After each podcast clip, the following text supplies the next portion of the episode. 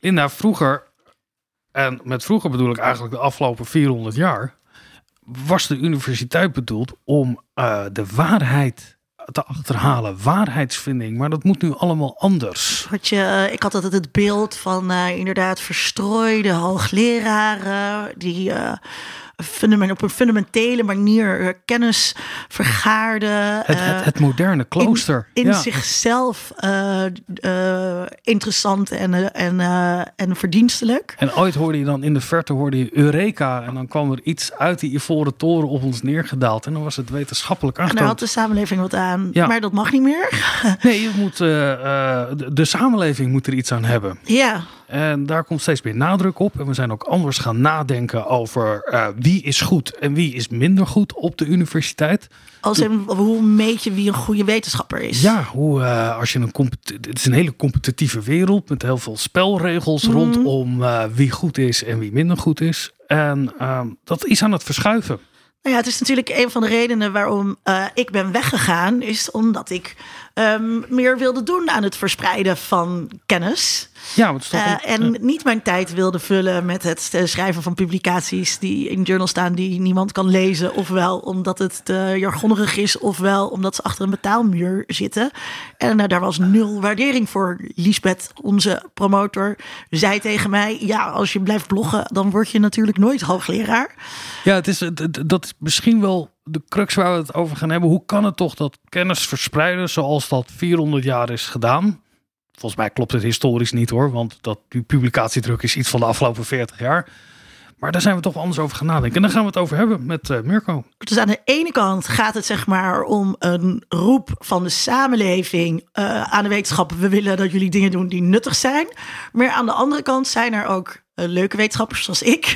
Die zeggen we willen ook kennis verspreiden. Maar daar moet wel wat tegenover staan. Ja, als je kennis wil verspreiden moet je buiten de universiteit staan. Schijnbaar, dat heb jij gedacht. Nou, dat was, dat was op dat moment ja. ook zo. Maar ik merk wel inderdaad dat het aan het verschuiven is. Daar gaan we het over hebben. Deze podcast wordt mede mogelijk gemaakt door Code Clear. Duidelijk over websites en design.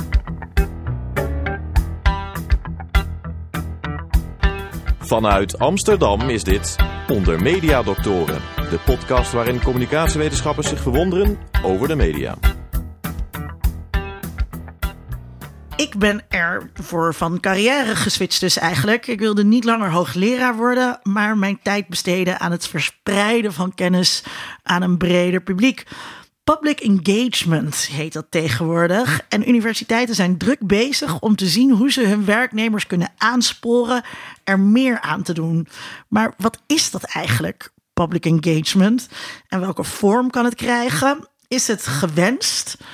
als onderzoeker misschien ook onderwijs meer maatschappelijk betrokken worden of juist niet? Nou, daar gaan we over praten met dokter Mirko Schever, tegenwoordig universitair hoofddocent bij informatie- en computerwetenschappen. Bij de Beta's zit je nu. Uh, en medeoprichter van de Utrecht Data School. Utrecht Data School, wat zeg jij? Utrecht Data School. Utrecht Data School, oké, ja, ja, ja. Uh, en eerder was je te gast in aflevering 134 over data, digitalisering en dataficatie. Maar vandaag gaan we het dus hebben over uh, betrokken onderzoek, maatschappelijk betrokken onderzoek. Verschillende termen zijn ervoor. Uh, maar eerst, Mirko, um, word jij gecompenseerd door de UU voor dit soort podcastopnames? nee, nee, dat word ik niet. Krijg je er in je, in je functioneringsgesprek, wordt er aandacht aan besteed? Of je iets aan outreach hebt gedaan? Niet echt, tot nu toe. Niet. Ja. En waarom doe je het dan? Zeggen, ik kan niet zeggen over mijn nieuwe uh, positie. Daar heb ik nog geen uh, beoordelingsgesprek gehad. Ja, maar, maar waarom doe je het dan als het je geen uh, punten oplevert? Nou, voor, voor de, ik, ik ga niet punten tellen. Dus ik doe het omdat ik het belangrijk vind. En ik doe het ook. ik, ik, ik doe deze gesprekken en alle outreach-activiteiten, ook met publieken of met partners waarvan ik denk dat het echt belangrijk is en waarde toevoegt aan ons onderzoek. Ja, ja omdat je het belangrijk vindt. Jazeker, ja. ja. Uh, zoals altijd aan mijn zijde, mijn vaste mede-media... Mijn vaste mede-media-dokter. Nou, 158 keer zou je toch een keer Dokter dat Vincent moeten kunnen. Ja. Ik kan het ook wel. En Vincent, doe jij wel eens wat aan uh, public engagement? Ja, dit. Uh, 158 afleveringen hebben we van Onder Media Doktoren gemaakt. Ja, dat zie ik wel echt als public engagement. Nee, want nou ben je Uh, aan het liegen aan de luisteraar. De oplettende luisteraar weet dat wij dit ooit zijn begonnen als een hobby. Ja. Om iets leuks te doen dat niet bier drinken of sporten is. dat is een mooi, mooi Het mooi- is niet mooi- dat we dit begonnen zijn Nee, met een soort Nee, dat is waar. Ja, maar dat, dat, dat, daarmee raak je wel een punt. Kan je iets doen wat je uit plezier doet? Eh, zou dat dan niet mogen tellen voor je, eh, nou ja, hoe je functioneert? Kijk, op de universiteit, en dat weten jullie allebei, eh, elke universiteit heeft weer zijn eigen registratiesystemen. Of dat nou Pure heet, onze universiteit heeft dat nu. En vroeger hadden we een ander systeem en die worden internationaal gebruikt. En dan moet je invullen eigenlijk ben je nuttig geweest? Dat is eigenlijk de vraag die er staat. En er zijn allemaal categorieën staan erin. waar dan staat, op welke manier ben je dan nuttig geweest? Nou, de manier om nuttig te zijn op een universiteit, dat zijn eh, full articles publiceren. Eh, het liefst in, in hooggenoteerde tijdschriften. Hooggenoteerd betekent dat er vaak naar verwezen wordt. Maar je ziet wel een beweging dat, er, dat je ook andere dingen mag opgeven wat je ook hebt gedaan. Bijvoorbeeld eh, public speaking of meedoen aan zo'n podcast. Dus Krijg jij hier punten voor? het is wel iets dat ik ooit heb opgegeven. D- nee, ik krijg hier geen punten voor. eh, nee, nee, nee, ik krijg geen punten voor. Bovendien, wij weten niet, als je dit nu, stel je, je voert dit netjes in, in Ja. Pure, je weet niet hoe het geweegd wordt door Pure. Nee, maar. Je weet niet, eh, je kunt ervan uitgaan dat je peer-reviewed artikel, dat die zwaarder weegt. Ja. Maar je hebt geen idee hoe, hoe zwaar dit zou wegen. Wij weten Nee, dat nee, niet. nee, we hebben geen getalsmatige. eh tien podcast staat gelijk aan één full article Ja. met een H-index van Hupplepup of een eh, eh, hoe je het ook wil noemen, citation. Eh, En, en wordt nee. in je, als je je jaargesprek hebt eh, en, eh, en je brengt het ter sprake, wordt dan gezegd: Bedankt Vincent, we waarderen het, we erkennen en waarderen het dat je dit doet. Het, het wordt wel gewaardeerd, maar als Maar erkenning hoe, zou. hoe dan? Gewaardeerd? In de wandelgangen Goh. zegt ze tof, Vincent. Ja, wat leuk. Mag ik ook een keer te gast zijn? Ja, ongeveer op dat niveau. Ja. Ja, dat is ongeveer waar het staat. Maar niet dus als een formele categorie bij een gesprek, bij een functioneringsgesprek. Nou, het interessante vind ik dat functioneringsgesprekken zijn gebaseerd op formulieren.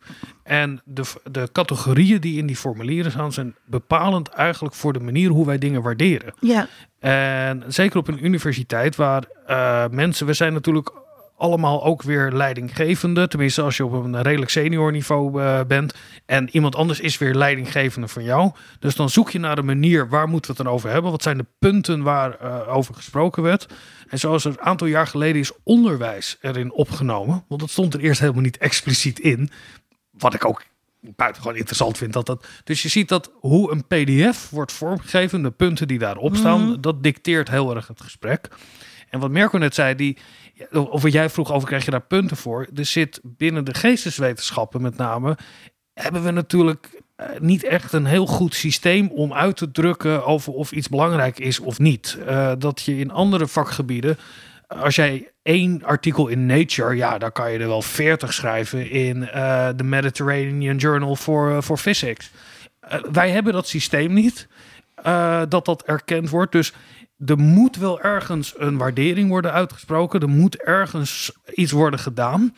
Alleen dat is erg afhankelijk van je leidinggevende en erg afhankelijk ook van je positie binnen het systeem over hoe dat gewogen wordt. Dus er is geen objectieve weging binnen de geesteswetenschap in ieder geval. Ik weet dat het ook bij eh, in de sociale wetenschappen soms lastig is om te zeggen dit is beter dan de ander. Dus dan komen er allemaal andere factoren worden daarin meegenomen op het moment dat het gaat over iemands functioneren. Wat mij opvalt, ik heb vaker sollicitatieprocedures gezeten in commissies, is dat er eh, om het argument te maken dan daar wel naar gekeken wordt. Weet je, we vinden iemand eh, een aantrekkelijke kandidaat, maar heeft misschien iets minder gepubliceerd dan, die, dan de concurrent. Maar die heeft zich wel maatschappelijk heel erg laten horen. Dus je ziet, ik merk wel in sollicitatiegesprekken dat het benoemd wordt en gewogen wordt over of iemand zich in het maatschappelijke beweegt. Is die, is die duidelijke metric waar Vincent het over had, is die, is die bij Betta's eh, wel? Is er inderdaad echt een soort een rekenformule waarbij je op basis van eh, iemands H-index of eh, op basis van journal rankings eh, ehm, een cv vertaalt tot een, ehm, tot een, tot een kwantitatief tot een cijfer dat te vergelijken is met andere? Gebeurt dat bij Beta? Dat weet ik nog niet, zo, uh, oh, zoals gezegd. Maar, maar wat er wel tegenwoordig uh, gebeurt bij ons op de universiteit uh, en ook bij, bij de geesteswetenschap, is dat wij steeds meer refereren aan het zogenaamde trippelsysteem. Dus dat er wel categorieën bij komen, zoals uh, professionele inzet of uh, professionele activiteiten, teamwork. Ja. Um, uh, impact wordt, wordt gemeten, vaak als narratief uiteraard. Maar er zijn ook meer pogingen binnen de universiteit om dat structureler te doen. We hebben een Impact Lab dat, dat hier kan meedenken bijvoorbeeld. Ja. En, al, die, al die termen, die gaan we allemaal uitpluizen Yes. in, deze, in deze aflevering. triple en impact. Want dat zegt natuurlijk, uh, uh, dat zijn nog allemaal best wel um, termen die bepalend zijn. Wat Vincent net al zei, hè? Hoe je zo'n formulier ja. invult, dat kan je carrière maken of breken. Eerst even, um, dit is redelijk nieuw, deze aandacht die ervoor is. Ik ben in 2010 weggegaan aan de UvA. Toen... Um, uh, toen was er, ja, dat, het telde eigenlijk helemaal niet mee wat ik, uh, wat ik, ik was toen al aan het bloggen. Uh, daar, daar had ik helemaal niks aan. Dat is echt in redelijk korte tijd wel veranderd. Die aandacht die er is voor valorisatie. Ik merk het zelf ook heel erg in de interesse die er is in mijn workshops. Uh, wetenschapscommunicatie en populair wetenschappelijk schrijven. Uh, daar is veel animo voor. Er zijn veel hoogleraren ook die dat belangrijk vinden. Ik merk het op Twitter heel erg, waar je academisch Twitter hebt, waar allemaal hele leuke um, wetenschappers zitten. Die uh, zich met bloggen bezighouden of aan andere vormen van, van outreach doen. Um, hoe, waar, komt, waar komt die trend vandaan? Waar, waarom is daar nu een ommekeer uh, in te zien? Nou, ik denk uh, wat, wat echt een belangrijke rol speelt, is dat uh, in de kenniseconomie de vraag naar de uitwisseling van kennis sowieso groter wordt. De problemen waar wij als mediawetenschappen over werken, of mensen ook binnen geschiedenis of binnen binnen, binnen geosciences, die zijn ook steeds meer gelieerd aan wat er gaande is in onze samenleving. Dus het lijkt me logisch dat er vraag is vanuit verschillende sectoren in de maatschappij om die kennis ook sneller te delen en actief mee te werken. Dat, uh, dat is het ene. Het andere is dat er ook in real-time vrijwel een discours plaatsvindt die commentaar levert op wetenschappelijk werk. We hebben dat gezien tijdens de pandemie. Dat is een grote uitdaging voor ons. Want vroeger hadden we tijd om gewoon binnen de ivoren toren te werken aan ons onderwerp en uh, uh, consensus te ontwikkelen. En dan gingen we naar buiten met, met de resultaten. Ja. En dat is nu duidelijk veranderd. Um, meer data zijn open en toegankelijk. Er zijn meer mensen die buiten de traditionele academische sectoren echt onderzoek doen, kennis produceren. Er zijn verschillende publieken die deze expertise op verschillende manieren framen of waarderen. Dus ik vind het zelfs ik vind logisch dat het gebeurt en ik vind wij moeten hier ook iets mee. Ja, het roept ook heel erg de vraag op. Uh, bij mij in ieder geval, wanneer kwalificeert iets eigenlijk als wetenschap? Uh, wanneer mogen we, moet je daarvoor aan een universiteit werken? Of, nou ja, we hadden hier vorige aflevering Sjoerd Pennekamp van Stichting Kijkonderzoek. ja, dat is, dat is een stichting, maar ja, de methoden die zij hanteren, die zijn gewoon wetenschappelijk. Hun rapporten uh, bevatten uh, verwijzingen.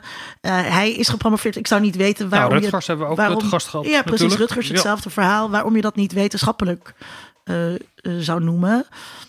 dus die, die grenzen vervagen misschien ook. Die grenzen vagen. Ik denk wel dat, dat wij hier duidelijk kunnen maken wat, wat het wetenschappelijke discours is. Dus ik vind als je dus afgestudeerd historicus bent en je publiceert niet als historicus voor historici, nou dan doe je niet mee aan dat discours. Nou, ja. Dat is de vraag of je dan echt historicus bent of gewoon een boekenverkoper. Ja, ja, ja. Uh, maar dit soort onderzoeken, als van Rutgers naar seksualiteit of van Stichting Kijkonderzoek, um, wat een soort uh, niet peer-reviewed publicaties zijn, is dan peer review voor jou het uh, een belangrijk criterium? Nou, je kunt natuurlijk ook heel veel kritisch opmerken over peer-reviewed, um, uh, peer reviews in, in, het systeem in het algemeen. Maar op zich is het heel, een heel effectief systeem als wetenschappers elkaar beoordelen. Dat klopt. Uh, ik, ik, ik wil daar niet dogmatisch over doen, absoluut mm -hmm. niet. Er is ook echt uh, heel relevant onderzoek dat buiten dit systeem plaatsvindt of niet volledig daarin zit. Ja. Veel van de dataschool komt ook pas veel te laat in het peer review systeem, omdat Ja. wij dus ons academisch werk een beetje veranderd hebben en eerst andere dingen moeten doen voordat wij publiceren. Maar het lijkt me toch een heel relevant eikpunt. Ja, ja, ja.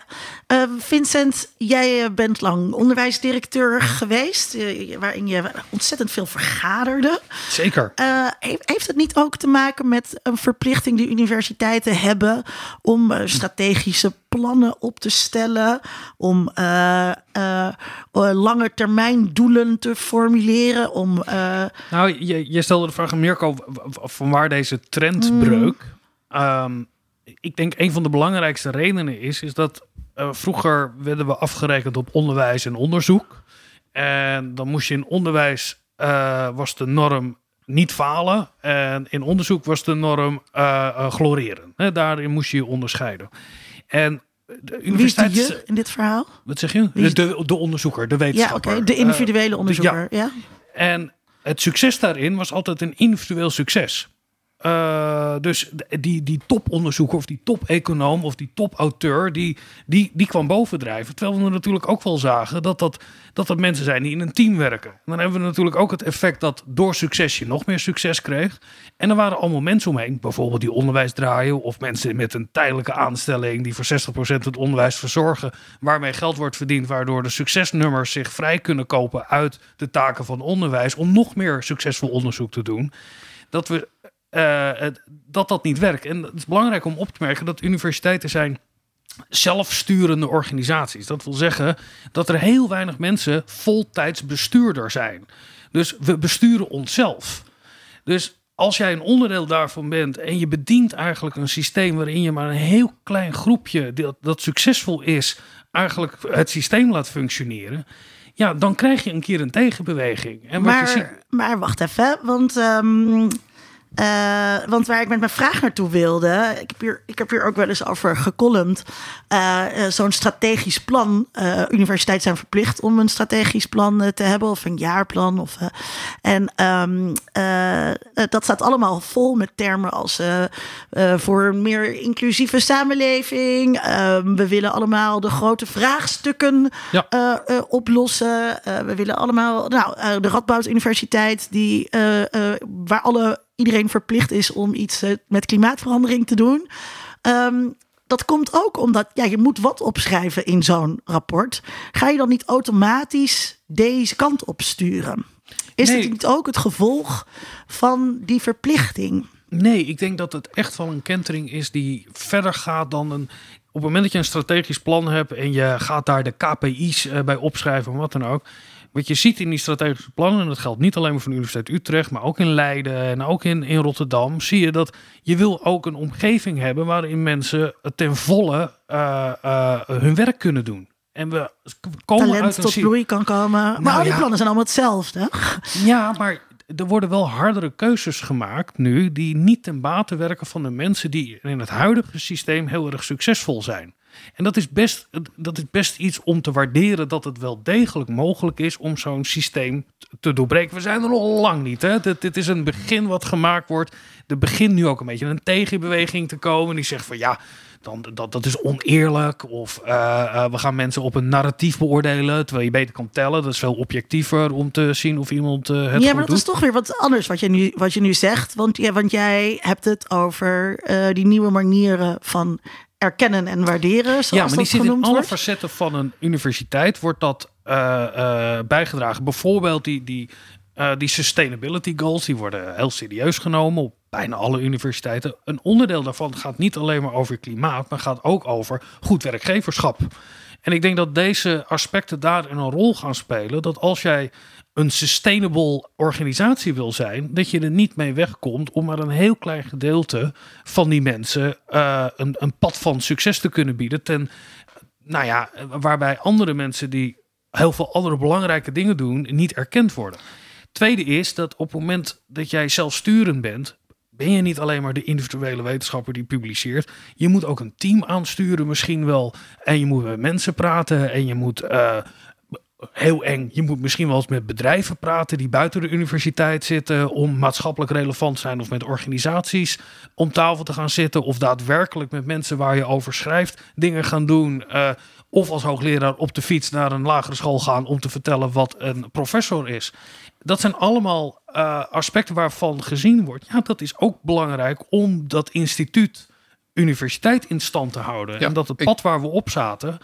En het belangrijk om op te merken, denk ik, is dat het idee zoals de universiteit functioneert als een plek waar veel gepubliceerd moet worden, meedoen in een high-rank journal, dat is iets van de jaren 60, 70 is dat opgekomen. Dus het is een relatief recent verschijnsel waar we uh, nog in zitten. Waar we nu van zeggen, ja, of 50 hebben we dat gedaan. Dat is heel erg goed geweest. Nederland is een van de meest efficiënte uh, organisaties. Waar ontzettend veel onderzoek wordt uh, gepubliceerd. Maar dat er andere aspecten onderbelicht zijn gebleven daardoor. Nou, ik denk ten eerste in de jaren 60 en 70 kwam het echt op dat de universiteiten maatschappelijk geëngageerd waren. Vooral uh, vanuit de nieuwe, uh, nieuwere studierichtingen zoals sociologie. Uh, waar echt ook de maatschappelijke debatten in de universiteit gevoerd werden. Dat was toen ook redelijk nieuw. Ja. Die vragen werden eerder niet gesteld. Dus in Duitsland is dat direct verbonden aan de studenten. Um, Mei 68, hè? Precies, Daar, exactly.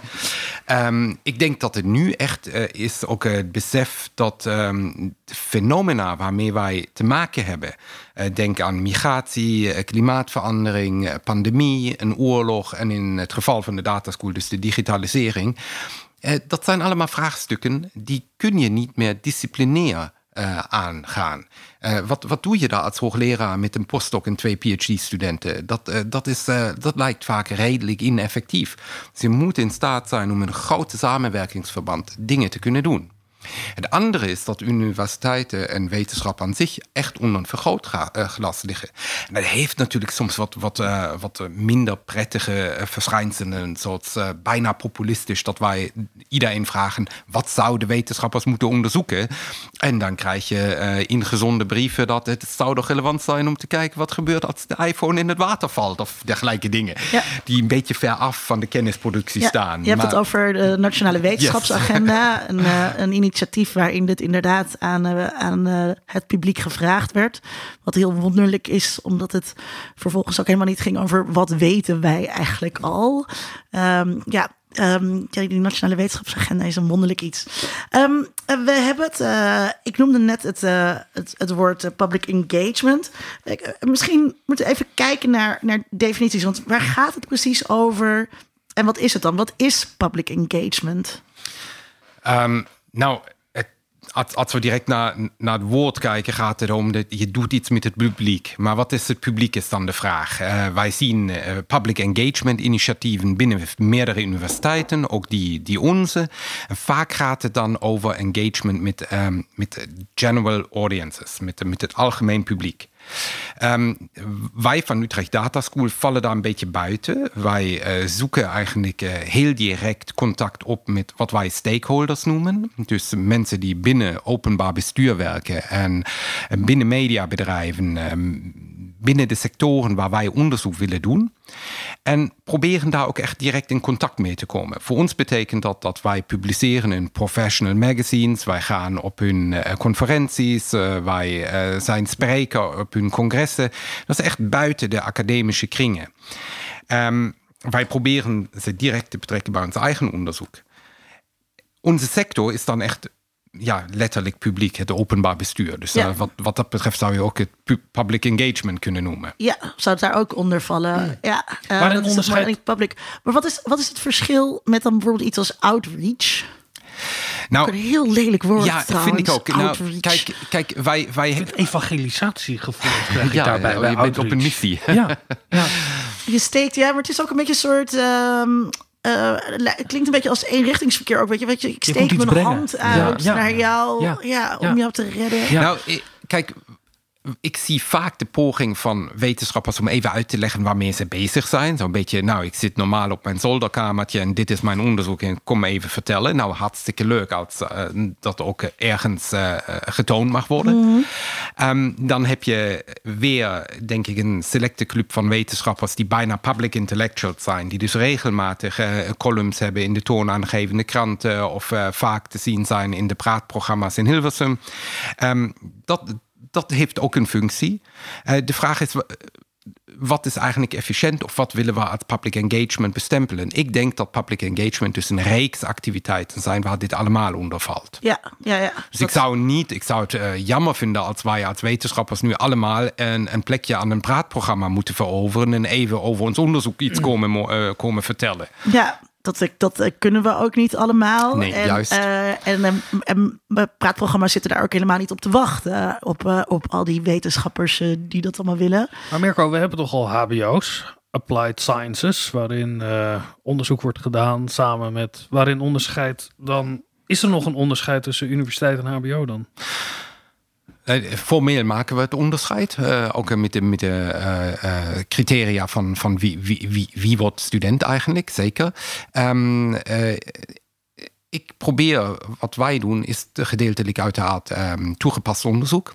Maar wij valoriseren ons toegepast onderzoek voor het academische onderzoek. Wat betekent dat, valoriseren wij, voor de... Wij draaien het om. Dus wij beginnen bij de maatschappelijke sector en proberen te verkennen wat de urgentie daar is. Wij beginnen niet bij ons eigen onderzoeksinteresse. Dat is echt algemeen geformuleerd in het geval van de dataschool. Wij willen weten wat de impact van dataficatie en algoritmisering is op burgerschap en democratie.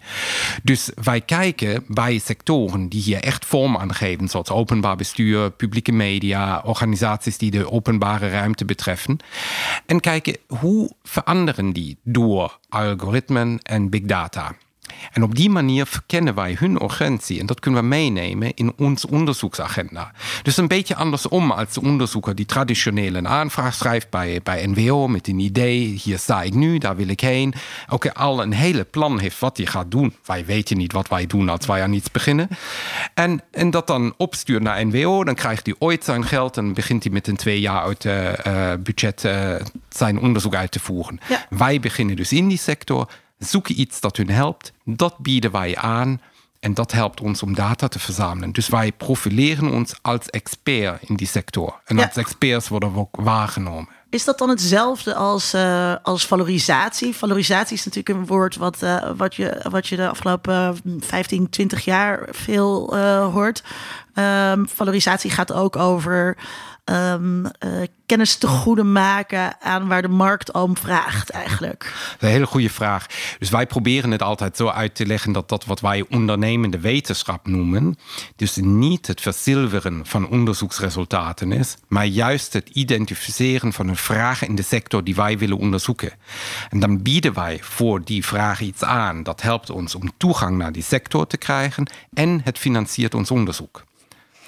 Ja, en ik denk wat ook wel een verschil is met HBO's, is dat jullie in dialoog met die partners tot een vraag komen en niet opdrachtonderzoek doen. Nee, het is Eh, geen de- commissioned, eh, commissioned research. Nee, en dat, dat, dat gebeurt op HBO's natuurlijk veel meer. En dat is, dat, eh, dat is heel mooi.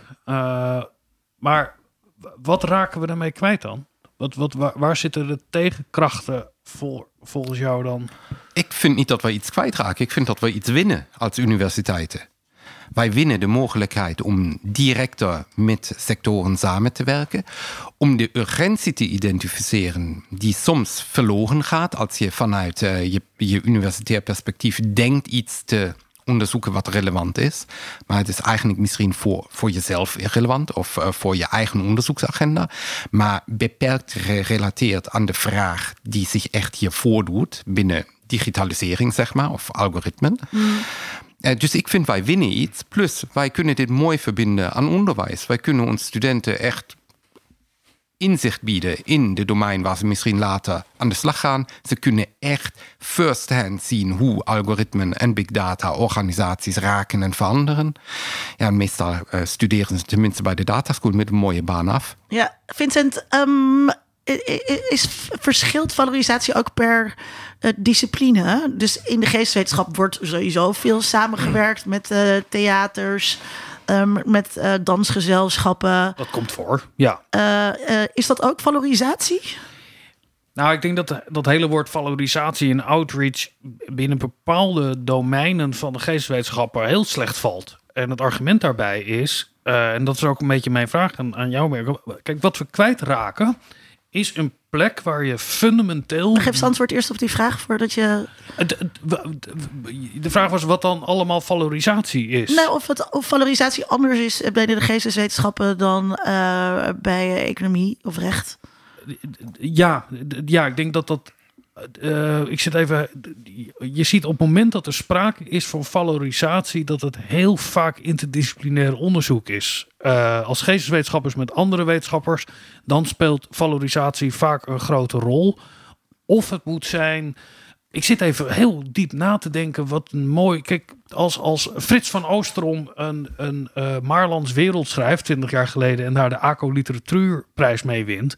Ja, dat is een ideaal voorbeeld van valorisatie. Uh, gebeurt niet zo heel vaak natuurlijk dat dat soort dingen uh, naar voren komen. Nou, een, een, heel mooi voorbeeld is de, de oorlog in Oekraïne. Dat uh, in Utrecht conflictwetenschappers, historici zijn, die zich direct in het debat begeven. Jolle Dermers, Laurien Krump. Dat, is, dat zijn vormen van valorisatie, die, maar dat is ook een vorm van outreach. Het is ook public engagement. Dus hoe die termen zich eigenlijk tot elkaar verhouden, is heel lastig. Uh, de, valorisatie in, in monetaire zin, dat is natuurlijk, of zeg ik, is voor veel geesteswetenschappers veel lastiger om te doen. Ik denk dat Utrecht Data School daar uh, een uitzondering op is om wel geld aan te trekken.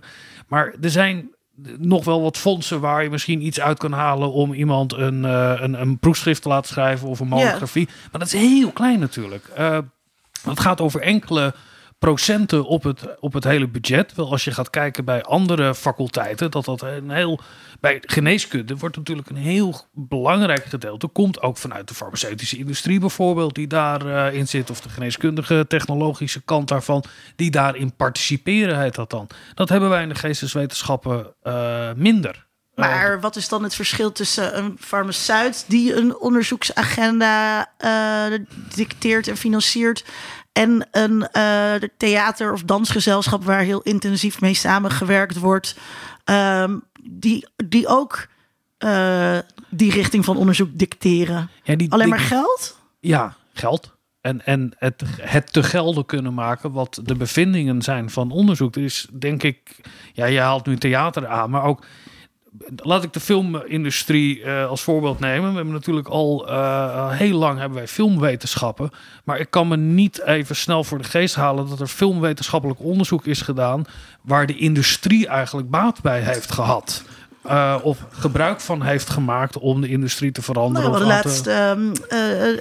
uh, Judith te gast. Nu zie je. Ja, die onderzoek doet naar sustainability. Uh, ja, ja maar dat is, dat is een heel mooi voorbeeld. Dat je ziet dat je daar die kentering ziet. Dat er interdisciplinair onderzoek wordt gedaan. Want het is interdisciplinair onderzoek.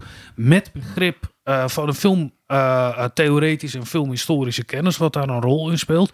En juist in die samenwerking zie je bij, zoals bij Judith Kelbach, zie je heel mooi dat het dan gaat lopen.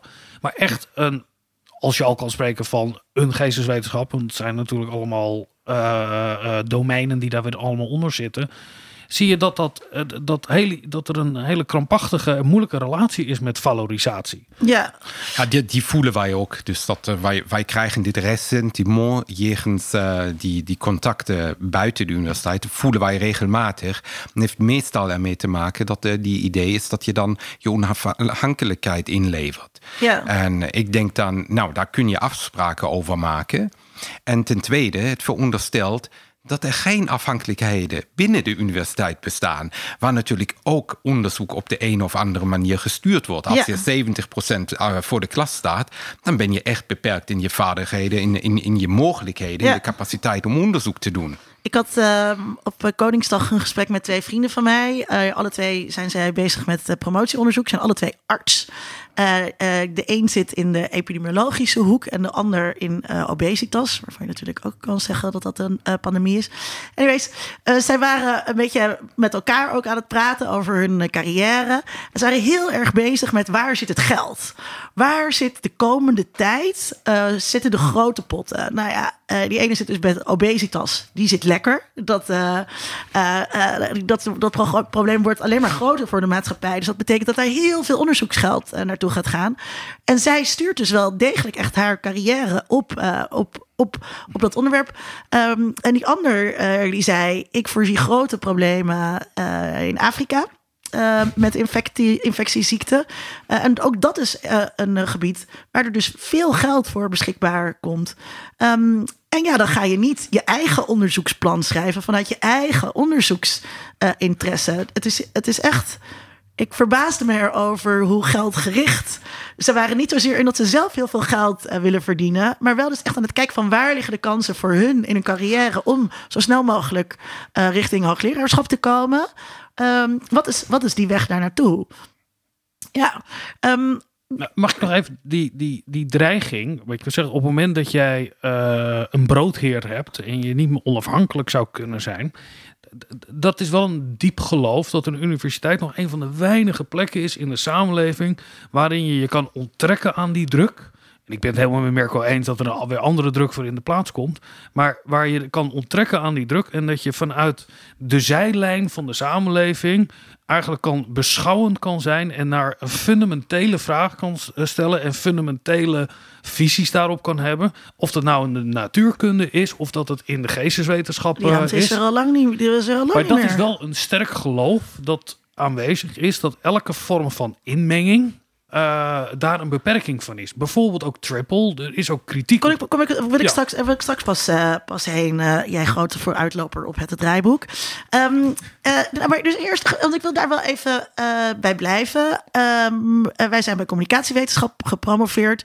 Die hele afdeling is veranderd in één groot onderzoeksinstituut naar kunstmatige intelligentie. Uh, bij Ascor is dat nu, uh, zo, Ascor aan de UvA is dat zo'n beetje alles wat, uh, wat nu gedaan wordt. Ook weer omdat daar dus veel geld mee te verkrijgen is. Wie bepaalt eigenlijk wat die grote aandachtsgebieden zijn? Um, zoals AI. Dat dat, dat, dat het, het nieuwe domein wordt. Ja, gedeeltelijk is dat ook natuurlijk het uh, debat in de samenleving. Er is veel aandacht voor, voor big data, er is veel aandacht voor AI. We zien hier ook het gebruik van metaforen. Dus we zien dat heel wat aan collega's vanuit de computerwetenschappen hun, um, hun onderzoeksplannen die over machine learning gingen, moesten herschrijven om, om, om de term artificial intelligence in te schrijven. Uh, eigenlijk precies hetzelfde, maar um, uh, dat is dan zo dat die commissie dat leest. Ik weet wel grappig dat jij bij computer wetenschappen nu zit. Een ontzettend jaren tachtig woord op een of andere manier. Ja, vind je? Ja. Vroeger ging je ook computeren. Wat ben je aan het doen? Computeren. Ja, Ik herinner me nog dat ik 2012 heb ik een uh, WENI-voorstel ingediend en uiteraard niet gekregen. Uh, en uh, daar, daar stond in dat ik onderzoek wilde doen naar automatisering, naar um, algoritmen die steeds meer um, beslissingen overnemen en die dus de samenleving raken. ik kreeg als feedback dat het toch vreemd is dat een geestes wetenschapper dit onderzoek zou willen doen en niet iemand van de computerwetenschappen. Ja. Misschien moet ik het nog een keer indienen nu. Ja, ja, ja. ja. Je toch nog, toch, nog, toch nog liggen. Maar dus je zei, er is debat vanuit de, vanuit de samenleving. Uh, maar je noemde ook al uh, commissies die voorstellen beoordelen op uh, bepaalde criteria. in zo'n commissie maken zij zelf die criteria? Of wordt dat vanuit NWO geformuleerd? Ik zou het niet weten. Dat, dat is natuurlijk een vraag die. die Want dan had je er ook kunstmatige intelligentie in gezet. Iemand, iemand, iemand zou dat uh, natuurlijk uh, kunnen beantwoorden. Uh, hoe deze, deze formulering eigenlijk tot stand komt. maar we zien natuurlijk duidelijk dat, dat ook NWO stuurt in zekere zin. Dus we zien duidelijk dat er gevraagd wordt om onderzoek dat ook helpt om het bedrijfsleven te verbeteren. Om concrete oplossingen te, te verzinnen. Um, we zien nu dat er heel veel onderzoek kwam in de laatste twee jaar omtrent COVID. Dus dat was ook duidelijk een vraag. Dus ging er heel veel geld vanuit de verschillende instituten naar, naar onderzoek omtrent COVID. Echt in de breedste zin van het woord. Niet alleen geneeskundig onderzoek. Ja, ja, ja. Dus aan de ene kant de urgentie die zich eh, op het moment voordoet. Aan de andere kant natuurlijk ook, denk ik, uh, grotere beleidsplannen die waar mensen denken, nou, dat big data is een ding of uh, iets dat, dat artificial intelligence genoemd wordt. En uh, ja, ik denk ook dat mediawetenschappen, computerwetenschappers, wij hebben hier ook iets bij te dragen.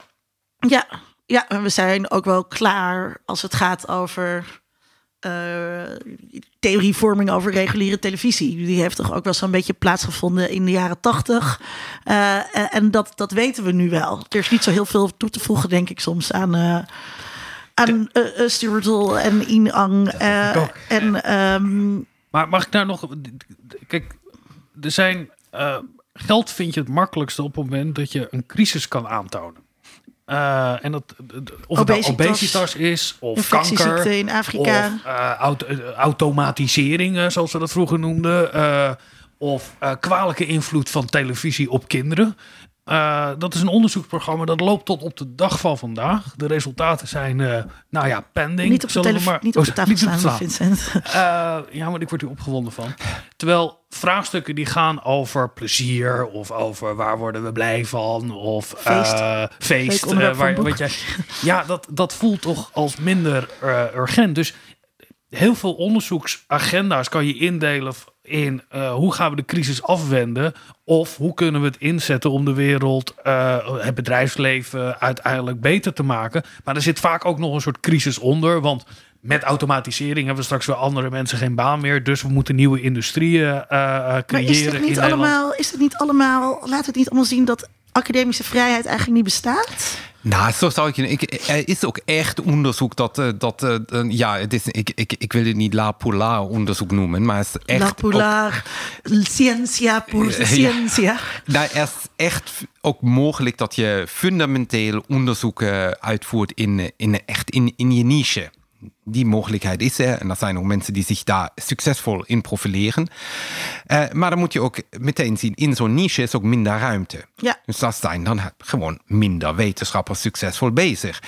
En dat leidt ook ertoe dat nieuwe wetenschappers, jonge wetenschappers kijken, wat zijn eigenlijk de domeinen waar ik mezelf kan profileren. Er zijn blijkbaar voldoende wetenschappers die al vroege film van de jaren uh, 1895 tot 1910 uh, onderzoeken. Dus daar is misschien geen plek meer. En die kanon is ook beperkt. Dus uh, ja, misschien doe je dan andere dingen. En dan komt dit branching out. Ja. Dus wij begonnen met uh, nieuwe media in de jaren negentig. Uh, met nu, nu onderzoek naar, naar data en, en artificial intelligence.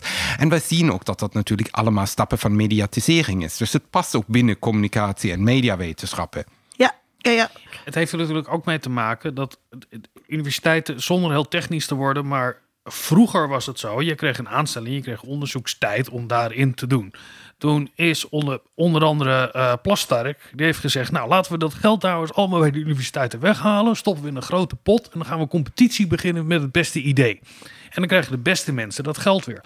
Dus je, dat werd dan tweede geldstroom genoemd. Van dan gaan we in, in competitie met elkaar. Dus het, de tijd die je had om zelf onderzoek te doen, besteden heel veel onderzoekers om geld te krijgen uit die tweede geldstroompot. En dan heb je nog mensen die misschien niet in die tweede geldstroompot uh, gaan zoeken. Die zoeken het in de derde geldstroompot. En dat is met name wat jullie doen. Door met nou ja, instituties, bedrijven of wat dan ook om daar geld vandaan te halen. Dus je ziet dat het overgrote gedeelte van het onderzoeksgeld wat er voorradig is, gaat via wegen van competitie en commissies en wat dan ook. Dus die academische vrijheid, zoals je beschrijft, die zit misschien nog een beetje in die eerste geldstroom. Die 20, 30, 40, 50 procent die iemand de tijd heeft om zijn eigen onderzoek te doen. Maar op het moment dat je niet succesvol bent op je cv om geld te halen uit die tweede en derde geldstroom, ben je uiteindelijk minder uh, waarschijnlijk zal je stappen maken in je carrière, waardoor je geen hoogleraar wordt en niet die aanvragen kan maar schrijven. Wacht even, want je dus hebt het over... we zitten in een gesloten systeem. Verheerlijk je nu niet ook de eerste uh, geldstroom? Want uh, ook daarin is het de bedoeling dat je die dingen wel gepubliceerd krijgt. Ja. En bij journals wordt daar natuurlijk ook naar gekeken. Ja, maar op het moment dat jij als onderzoeker uh, geen tweede, derde geldstroom hebt. En je doet alles binnen de eerste geldstroom. En je functioneert daar volgens de mening van anderen niet goed in is het veel moeilijker om dat te onttrekken bij iemand dan tweede en derde geldstroom. Want je krijgt het geld gewoon niet. Het stopt en het is altijd tijdelijk geld. Terwijl eerste geldstroom structureel geld is. Ja, ik wil het is een heel technisch verhaal. Nee, het, het is helemaal niet zo technisch, denk ik. Ik wil vooral hier dus aan, aantonen, ook voor de luisteraar die niet aan een universiteit werkt, dat dat hele ideaal van academische vrijheid en uh, de romantische beelden uh, van zolderkamertjes en interesses volgen, uh, dat is al heel lang niet meer. dat is al heel lang niet meer de realiteit. Um, Ik weet niet of dat ooit de realiteit was. Dat is Ja, misschien dat- een beeld dat ja. wij eh, voor ons gecreëerd hebben. Maar ik denk dat, dat er altijd ook een academisch proletariaat was. Dat altijd moest werken voor een hoogleraar of eh, binnen het systeem eh, hulptaken heeft uitgevoerd. En wij beginnen dat nu duidelijker te benoemen. Ja, ja, ja. Goed punt. Ehm, we, zien dus een soort van eh, transitie, of dat, dat public engagement wordt belangrijker. Er wordt gewerkt aan nieuwe manieren van erkennen en waarderen. Dat vraagt om eh, aanpassing ehm, van verschillende partijen. Laten we het daar eens over hebben. Ehm, onderzoekers. Eh, moeten zij zich dus op andere onderwerpen gaan richten? Of Nou, ten eerste, ik zou, ik zou niet zeggen wat iemand zou moeten doen. Absoluut niet. Eh, zoals, ik, eh, zoals ik net heb aangegeven, het is wel een heel erg fluide en dynamische situatie. Waar onderzoekers die binnen de academische wereld iets willen doen. En dat eh, vertelt ook je voorbeeld van die twee mensen die over Afrika en obesitas werken. Zich wel beginnen, zelf beginnen te oriënteren. Waar, waar kun je onderzoek doen? Ja. Ik denk dat dat echt een minderheid is van onderzoekers die een hobby hebben of een idee en denken: dit, ik ben computergamer, dus ik ga computergames onderzoeken. Eh, ik denk wat. Het is, het is een professie wat wij doen, het is Ja. een beroep. Hè? Dus je leert hoe je dat doet en je kunt verschillende onderzoeken uitvoeren. Ehm, wat echt verandert is dat, of wat voor een deel verandert. Het blijft nog dat je een hoogleraar hebt met zijn postdoc en zijn twee PhD's. Maar voor een ander gedeelte verandert het echt. Dat je in dynamische, transdisciplinaire samenwerkingsverbanden werkt, waar misschien mensen ook van buiten de universiteit meewerken. Waar je eh, voor één project met, met eh, twee universiteiten uit Nederland en, en twee uit het buitenland iets doet. En dan ga je, ga je verder. Waar je echt in een, in een team werkt en veel minder voor, voor je eigen cv. Maar Ja. je draagt iets bij aan een team. Ja, eh, dus eh, eh, interdisciplinair. Nou, we hadden het er net al over. je bent net van alpha naar beta gegaan. Dat is ook. Nou, Vincent, jij zit ook in een interdisciplinair team. Dat, dat vraagt ook nogal wat. Want mensen worden gedisciplineerd in een bepaalde discipline. Ehm, interdisciplinariteit blijkt vaak ook ingewikkeld. Hoe kijk je daar tegenaan? Ja, het is zeker ingewikkeld. Het, eh, het kost ontzettend veel tijd, want je moet de taal van de andere discipline leren. Eh, je moet de methoden begrijpen. Eh, soms kijk je elkaar aan en denk je, dit is wat jullie wetenschap noemen. En andersom. En dan staan wij geesteswetenschappers vaak een beetje, een beetje meer in verdacht om niet, niet methodisch zuiver te werken. Hoewel wij wel, de, wel duidelijke methodes hebben ontwikkeld, die wij dan moeten uitleggen aan de collega's die meer kwantitatief werken of eh, die zichzelf van de exacte wetenschappen noemen. Ehm, eh, dus het kost meer tijd om elkaar te begrijpen en om duidelijk te, eh, een mo- modus operandi te kunnen ontwikkelen. Ehm, dus je kunt niet snel publiceren, bijvoorbeeld. Ja, Het wordt nog ingewikkelder. Het je kunt, niet snel, je kunt niet snel publiceren. Wat bedoel je dan? Ja, want de publicatie duurt langer. Omdat je. eh, Je kunt het niet snel schrijven, de, Ja. doelgericht voor een journal dat binnen jouw eigen discipline is. Dat dus voldoet aan die disciplinaire eisen. Waar je rechtstreeks schrijft op de dingen waarvan je weet dat het Juist. belangrijk wordt gevonden door je vakgenoten. Vincent, volgens mij loop jij daar ook tegenaan. Ja, nee, ik herken het heel erg als je. En het is fascinerend om met verschillende disciplines samen. eh, ik, ik heb gewerkt aan een artikel met, met, met, nou ja, misschien wel vijf verschillende disciplines daarin. En dan begin je inderdaad heel erg eerst onderhuids en op een gegeven moment heel expliciet te botsen met elkaar. Van ja, nee, dit, dit, dit kan je niet zo zeggen. Daar, daar komt het, weet je, je kan deze bewering niet op deze manier staven. Of eh, nou, allemaal dat soort vragen komen dan naar boven. Ik ben ervan overtuigd dat we, we hebben, je kan twee opties. Of je zegt we gaan vraagstukken alleen nog maar disciplinair benaderen, want dan kunnen we snel handelen en tot iets komen. Alleen ja, dan heeft het eigenlijk geen relatie meer met die grote maatschappelijke vraagstukken. Of we moeten die hele complexe vraagstukken, die wicked problems die er zijn van al die verschillende kanten benaderen en die extra effort erin doen om met elkaar te gaan zitten.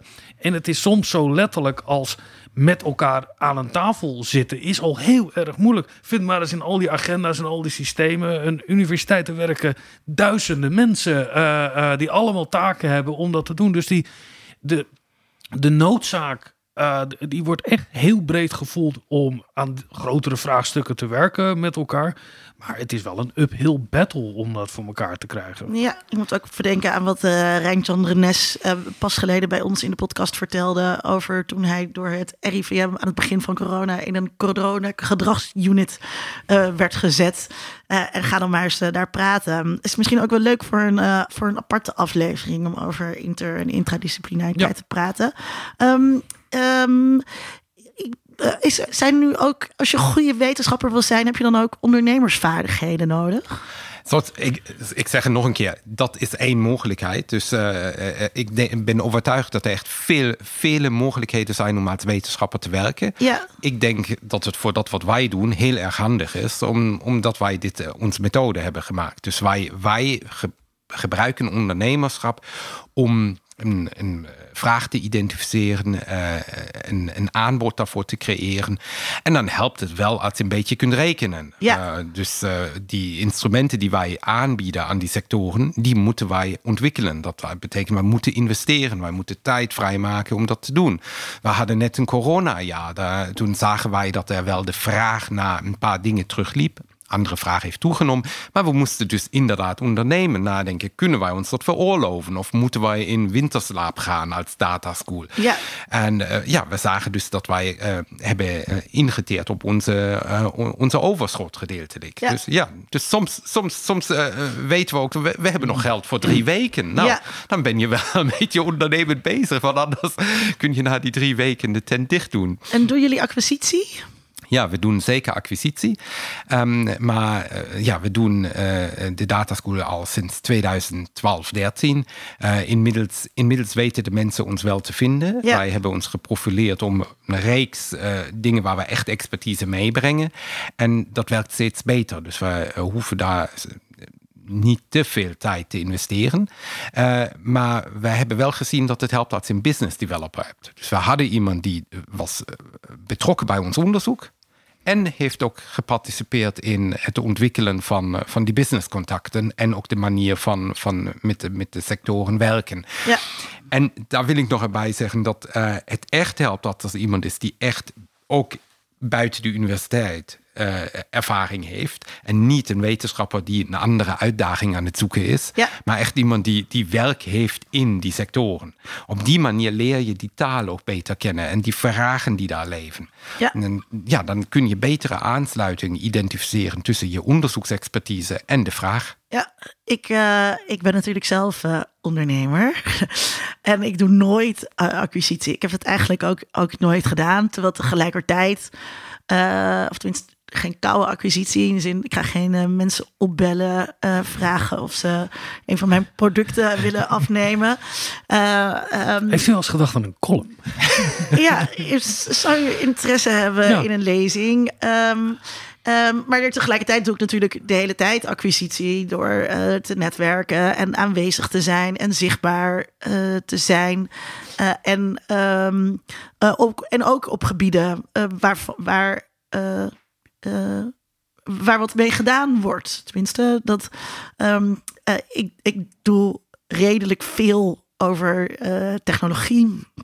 Dus als je interesse hebt in een leuke lezing over bijvoorbeeld de rol van Alexa in, in een huishouden. Dus je doet nu acquise in jouw Ja, dat is nu podcast. een stukje Ja. acquisitie. Ja, reclame. Dan, um, um, uh, dus, en, dat, en dat komt ook wel omdat er natuurlijk nieuwe ontwikkelingen zijn. En je weet dan dat daar behoefte, behoefte aan is.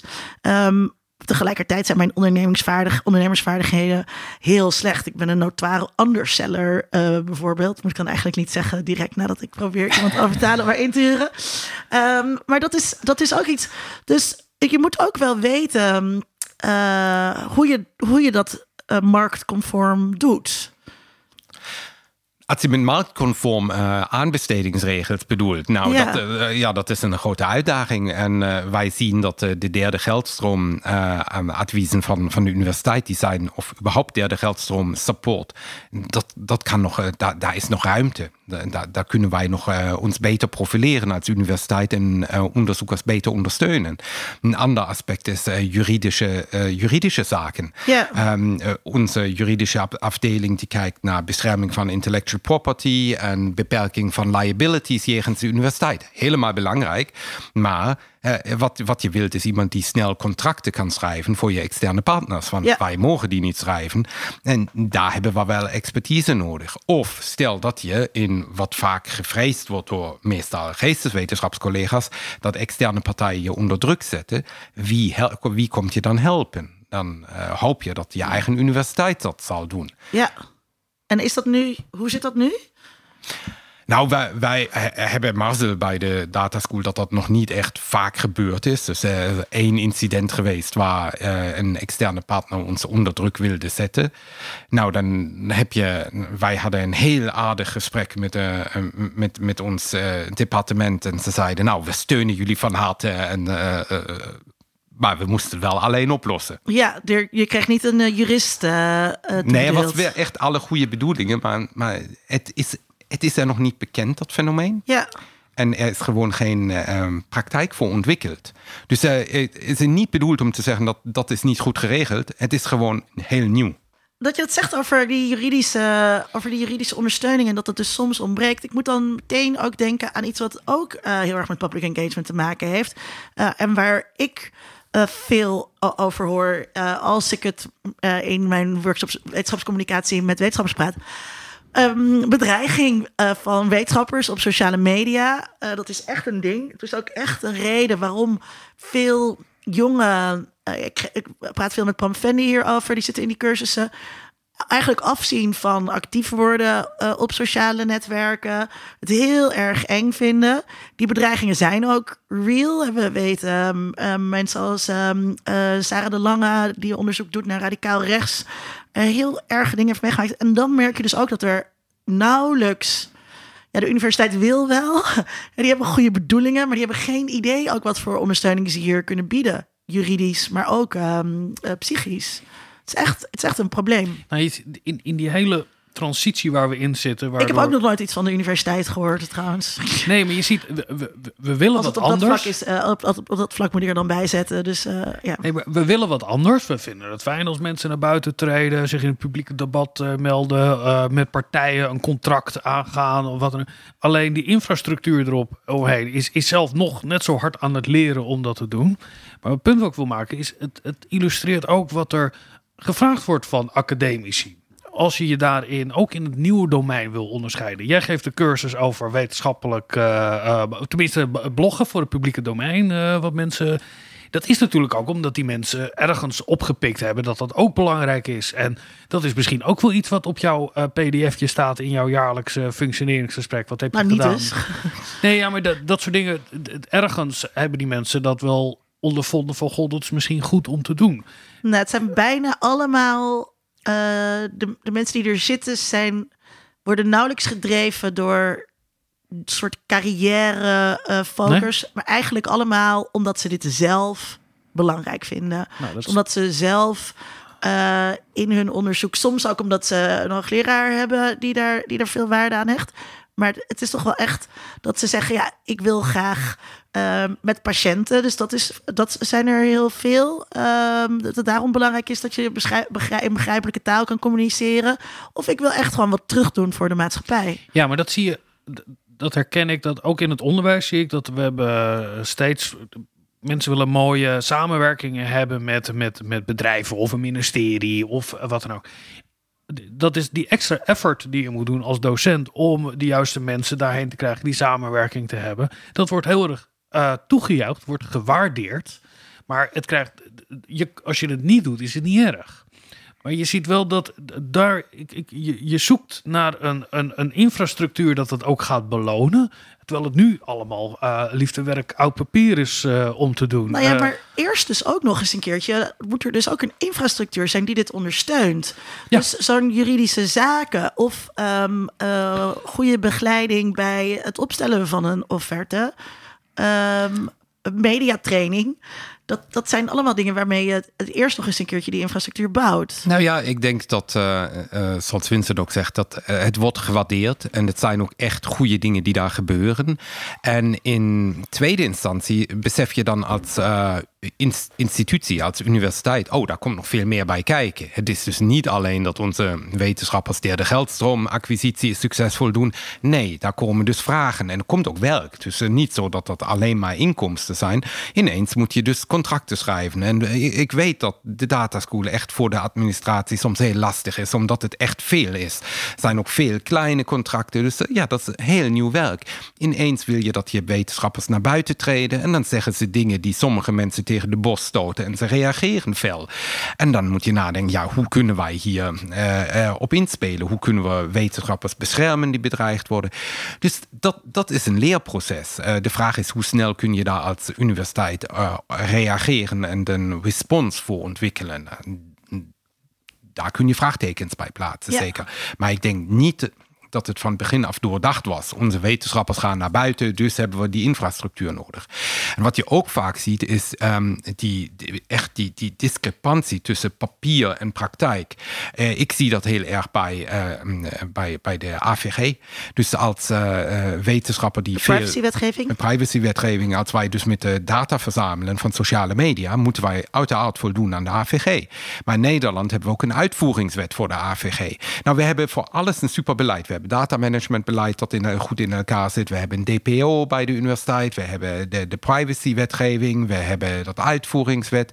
Nou ja, maar de praktijk betekent dat ik als onderzoeker dus veel tijd extra moet investeren voor datamanagement, voor het uitzoeken van, eh, van al deze dingen die nergens begroot zijn. Die ik ook nooit terugkrijg. Niemand heeft daarover nagedacht. Dus dat is eigenlijk een bestuurlijk probleem dat de bestuurder weer op de voet valt. Die denkt, ah, ik heb net dit document geschreven met het mooie beleid van datamanagement. Ja. En dat kost nu veel tijd. Dus eigenlijk moet je een keertje kijken, wie voert het überhaupt uit? Ja. Um, Vincent, ik begon er net al over uh, die, andere, die andere systemen. Het vergt dus ook verandering van beoordelaars, uh, geldverstrekkers, leidinggevenden bij universiteiten. Um, dat is dus die hele, dat erkennen en waarderen. Die term liet ik al een paar keer vallen. Aan de EU gaan we van. Hebben we al gezegd dat het de beste universiteit van Nederland is? Beste nog steeds, ja. Aan de UU gaan we van merit naar triple. En uh, dat staat uiteraard met hoofdletters geschreven. Mirko, kan je eerst uitleggen wat het in hemelsnaam is? Het is een acroniem voor uh, uh, Team Research. Um, waarvoor staat die impact, um, professionalism, Um, leadership. leadership en education. Ja. Uh, en dat zijn dus de uh, criteria waarop je wordt afgerekend. Dat dus, zijn de ehm, kopjes van het PDF-bestand. Ja, ja. Juist, juist. Dat zijn de kopjes van het PDF-bestand. En uh, je ziet al aan, aan de bandbreedte, niemand kan natuurlijk op alles excelleren. Maar het geeft wel de mogelijkheid dat je diverse teams samenstelt. Waar je mensen hebt die heel goed zijn in uh, impact uh, creëren, in uh, leadership tonen of education. En anderen zijn meer op teaching gefocust en, of research. R staat uiteraard voor research en T voor teaching. Um, Oké, dus dat zijn, dat, eh, dat, dat zijn de, de kopjes. Nee, T staat voor teamwork, hè? De T staat voor team, team, spirit. Team spirit team, of spirit. Team dus je moet alleen de spirit hebben, niet, uh, niet het resultaat. Uh, er, ik, ik, had, ik Waarom ik hoorde, oh, team spirit, dat betekent zeker dat degene die mij beoordeelt, dat ik die altijd gelijk moet gaan geven, anders ben ik geen teamplayer. Dus dit systeem werkt altijd natuurlijk weer in uh, elke dissonante stem zal doven nou, natuurlijk, omdat je nu beoordeeld in wordt. Het, uh, ik, ik, ik zocht het even op op de website van de UU en er staat dan achter, het gaat daarbij dat bij het belang van die T gaat het om uh, gemeenschap, uitwisseling en samenwerking. Ja. Nou, dat is natuurlijk heel, heel erg breed geformuleerd. Um, dat is iets wat, wat ik persoonlijk soms uh, teleurstellend vind. Ik vind het supergoed dat wij dit doen bij de Universiteit Utrecht. Ik vind het super dat wij ook echt uh, um, uh, leadership hebben die hier niet alleen een visie formuleert, maar ook echt daden toevoegt. soms hebben wij bij de Data School, die wij toch aan veel van, van deze dingen, aan team spirit, aan impact, aan professionalism en andere dingen, toch ruim voldoen. het gevoel dat wij in een wachtkamer zitten. Dus iedereen denkt, nou, al die communities, public outreach is allemaal relevant en belangrijk. Maar we zijn nog bezig met te definiëren, wat is het eigenlijk, hoe kunnen we het doen. Er zijn heel kleine grants worden, worden aangeboden om, om, om hier eerste stappen te ondernemen. En ik denk dan soms, ja, weet je, er zijn wel heel wat aan collega's, ook binnen onze eigen universiteit, die dit al heel succesvol doen, die al heel ver zijn. En voor ons voelt het dan een beetje als we zitten in een wachtkamer. Ja, uh, het gaat allemaal heel langzaam. En dan is er weer een bijeenkomstje. En dan, uh, ik ben ook wel eens uh, uitgenodigd door de UU. En dan is er een bijeenkomst met allemaal andere wetenschappers die ook heel veel in de media zijn. En dan vertellen wij aan de mensen van de UU hoe we dat doen. Um, ja, dat, um, sorry Sikko de Knecht, dit luister je. En dan, het mag al wat sneller uh, uh, wat, wat dat betreft. Um, dat, dat, dat, dat zie ik ook. Maar het vereist natuurlijk ook gewoon wel... Um, een, het vereist ook wel een cultuuromslag. En een cultuuromslag, ja, die creëer je niet van bovenaf. Ik moet in één keer denken aan, ik was een keer, toen gaf ik les bij politicologie aan de UvA. Toen was ik op de kerstborrel en toen stond ik met iemand te praten die ik niet kende. En die zei, hoeveel onderzoekstijd heb jij? En toen zei ik... De hele dag. En toen zei ik uh, nul. En toen keek hij me echt aan alsof ik een of andere loser uh, was. Um, want dat is natuurlijk wel het, de, manier waarop, we, uh, waarop onderling mensen in een hiërarchie geplaatst worden. Ja, dan kan je wel zeggen, ja, maar ik heb een column in Folia. Um, de, als, als dat um, onderling geen status oplevert ja, dan is dat heel ingewikkeld om dat, uh, om dat te bewerkstelligen. Want um, um, ja, ik loop dan een beetje op mezelf, op mezelf uit.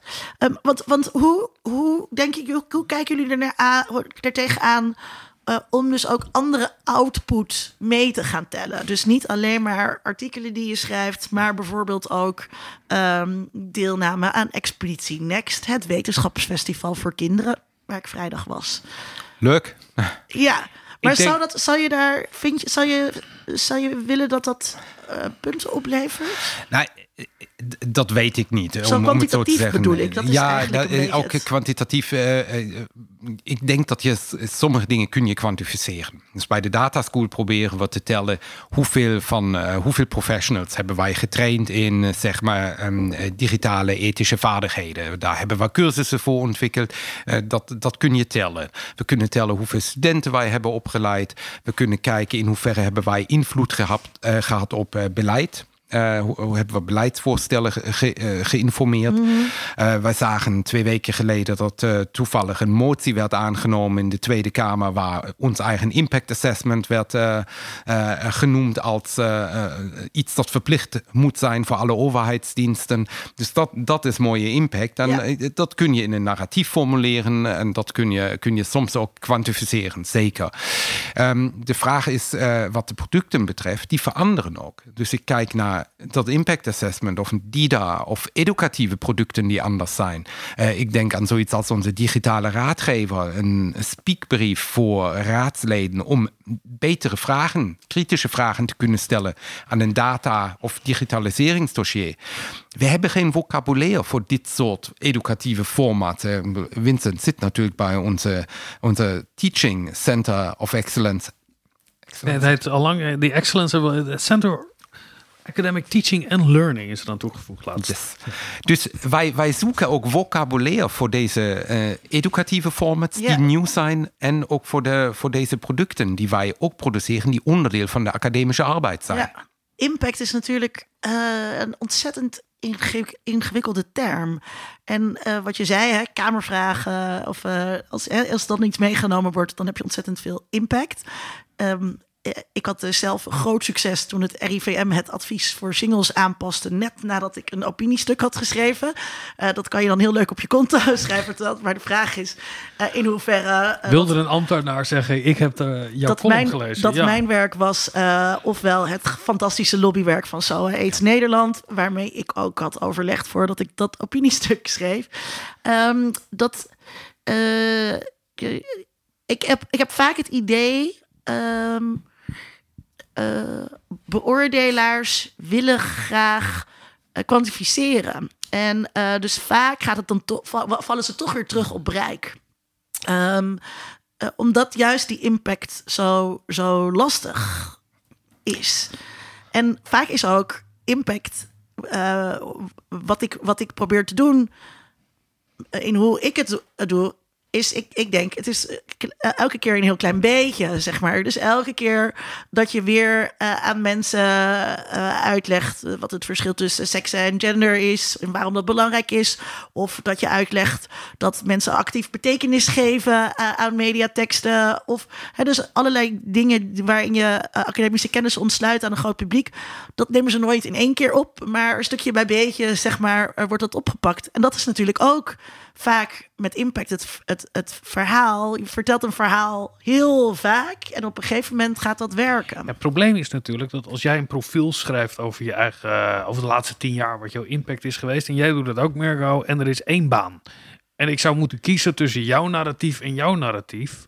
Dat is het probleem met kwantificeren. Kwantificeren is helemaal niks mis mee. Hartstikke goed. Uh, uh, het is een heel goed middel om te laten zien met een getal erbij probleem is op het moment dat je het onderling wil gaan vergelijken en je winnaars en verliezers moet gaan aanwijzen op basis daarvan, is een Kamervraag telt dat meer dan een, uh, uh, een beleid van de RIVM wat aangepast wordt. Hoe gaan we dat wegen? En volgens mij de oplossing, zoals er ook over nagedacht wordt, is dat we veel meer zouden moeten denken in termen van teams. Dat is ook al heel lastig, want in welk team zit je nou precies? Maar, wat bedoel je met teams? Nou ja, je, je zou het functioneren van een team moeten beoordelen. En binnen een team kan iedereen, kan verschillende mensen kunnen verschillende rollen hebben. Als jij een groot onderzoeksproject hebt waarin iemand binnen het team dat heel goed over het voetlicht kan brengen en daar goed publiekelijk over kan spreken. Dat heb je nodig. Maar je hebt ook misschien wel iemand nodig die heel erg uh, uh, methodisch gezien op de achtergrond goede statistische analyses kan draaien die nooit iemand te zien krijgt, maar die broodnodig zijn om tot je punt te komen. Ik ik ben het eens met je, uh, Vincent, maar ik, ik voorzie echt een, een, grote uitdaging. wij hebben net een Team Science Squad gewonnen. Nou, daar moesten we één PI opgeven, ja. één persoon. Um, je wilt een team uit verschillende uh, faculteiten samenstellen. Dan zie je dat dat heel erg moeilijk wordt. Ja. Omdat aan de achterkant, ik weet niet of het dat SAP-systeem is dat eigenlijk schuld is. Of de inflexibiliteit van, van iets anders. Maar het is heel moeilijk om geld te verdelen over verschillende faculteiten. En mensen uit verschillende faculteiten samenwerken te laten. Dus uh, dat team science is super een super idee. Maar als, als dat niet gefaciliteerd kan worden, echt als team science, dan heb je toch een probleem. ja, we hebben vastgesteld dat er hele complexe problemen zijn, wat je interdisciplinair eigenlijk zou moeten benaderen. Wat je dus per definitie in een team doet. In je eentje interdisciplinair zijn lijkt me heel lastig. Uh, daar zitten eigenlijk de grote ontwikkeling in. En tegelijkertijd zeggen we ja, maar we willen wel het individu belonen voor de eigen prestaties. Want er is schaarste. Kijk, dat is uiteindelijk het probleem. Kijk, als er geld over is, dan kan iedereen hoogleraar. Goed idee. Iedereen onbegrensd geld. Maar op het moment dat er schaarste is, moet je keuze gaan maken. En dan doen we het op individueel niveau. En, en ja, daar, daar zit een. Ah, ik denk dat dat, dat, dat, klopt. Dat, die, die individualisme is één, één ding. Die zien we duidelijk terug, vooral in de geesteswetenschappen. Um, maar het is nog meer. Het is omdat de universiteiten natuurlijk nog steeds georganiseerd zijn langs uh, een faculteit, een departement, een hoogleraar en dan daaronder mensen die direct aan deze leerstoel gebonden zijn. En we proberen de hele tijd dit, dit beste rigide systeem um, uh, te, ja, de, hoe moet ik zeggen, een beetje te compenseren. Dus we, vormen clusters of onderzoeksgroepen. Maar zodra dat departement overschrijdend is en zodra er funding van buiten bij komt, een grant die ergens moet landen, dan wordt het ingewikkeld en moeilijk. En vooral aan de administratieve kant. Dus ik denk dat uh, vooral de manier hoe onze universiteiten op het moment georganiseerd zijn, dat is een echte uitdaging voor de eigen doelstellingen die ja. ze op het moment geformuleerd hebben. Die eigenlijk vergen dat je, uh, dat je deze silo's openbreekt en echt efficiënt mensen laat samenwerken. Op het moment kan dat aan de bovenlaag. Maar daarachter zijn al de admin administrators die dat geld moeten verdelen. En dat is altijd aan een persoon gekoppeld. Dus die Team Science Grant, nou, waar gaat die nu heen? Nu dat wij tussen twee faculteiten werken. Dan en, is het, en daarbij is het dan ook nog eens een keertje zo dat er een heel duidelijk onderscheid wordt gemaakt tussen wetenschappelijk personeel en niet-wetenschappelijk personeel. Um, maar jij zei net al dat jullie een, hoe noem je dat? Een um, business developer. de business developer eh, in dienst hadden. Wat voor rol is dat? Nou, eh, eh, ik vind wat je noemt is echt super cruciaal. Dus in ons team zijn veel mensen die hebben absoluut geen ambitie om een PhD te doen. Nou, PhD is echt de entrance ticket voor, voor werken in de universiteit. Ehm, en die zeggen terecht, nou, ik heb geen zin om vier jaar van mijn leven weg te gooien om, om een PhD te schrijven. Ik kan ook over twee jaar in het bedrijfsleven gaan. Die mensen kunnen we maar beperkt inzetten, omdat er heel veel functies zijn. Daar moet je een PhD voor hebben. En terecht vaak. Maar we kunnen ze ook in het onderwijs beperkt inzetten, hoewel ze de nodige competenties hebben om onder, eh, onderwijs te, te, te geven. En dan hebben we nog mensen die zijn officieel ondersteunende medewerkers, maar die willen ook publiceren, die willen ook onderzoek doen, die nemen we ook Kun je daar mee. een voorbeeld van geven? Nou, bijvoorbeeld mijn collega Iris Muis, eh, lead operations bij de Data School, die ge- geeft onderwijs, vooral aan professionals, maar ze doet ook onderzoek, namelijk naar de, de manier hoe organisaties met data werken.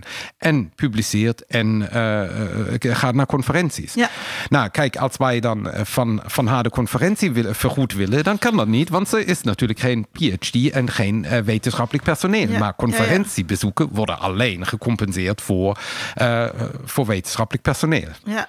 En sterker nog, volgens mij, ondersteunend personeel zit in een andere keten dan het wetenschappelijk personeel. Dus het wetenschappelijk personeel kan ook geen leidinggevende zijn van iemand in het, bij het ondersteunend keten.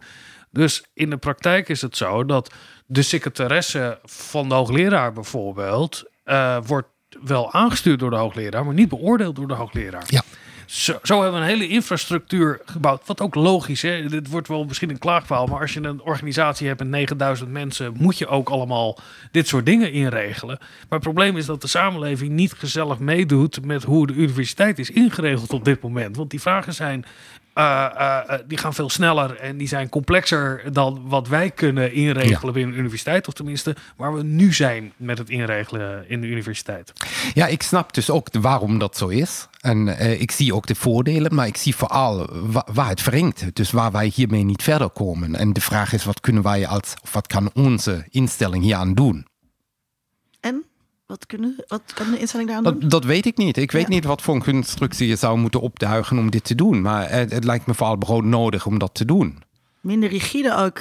Ik ben ooit begonnen bij Ascor als eh, secretaresse. Gewoon via een uitzendbureau, geheel toevallig.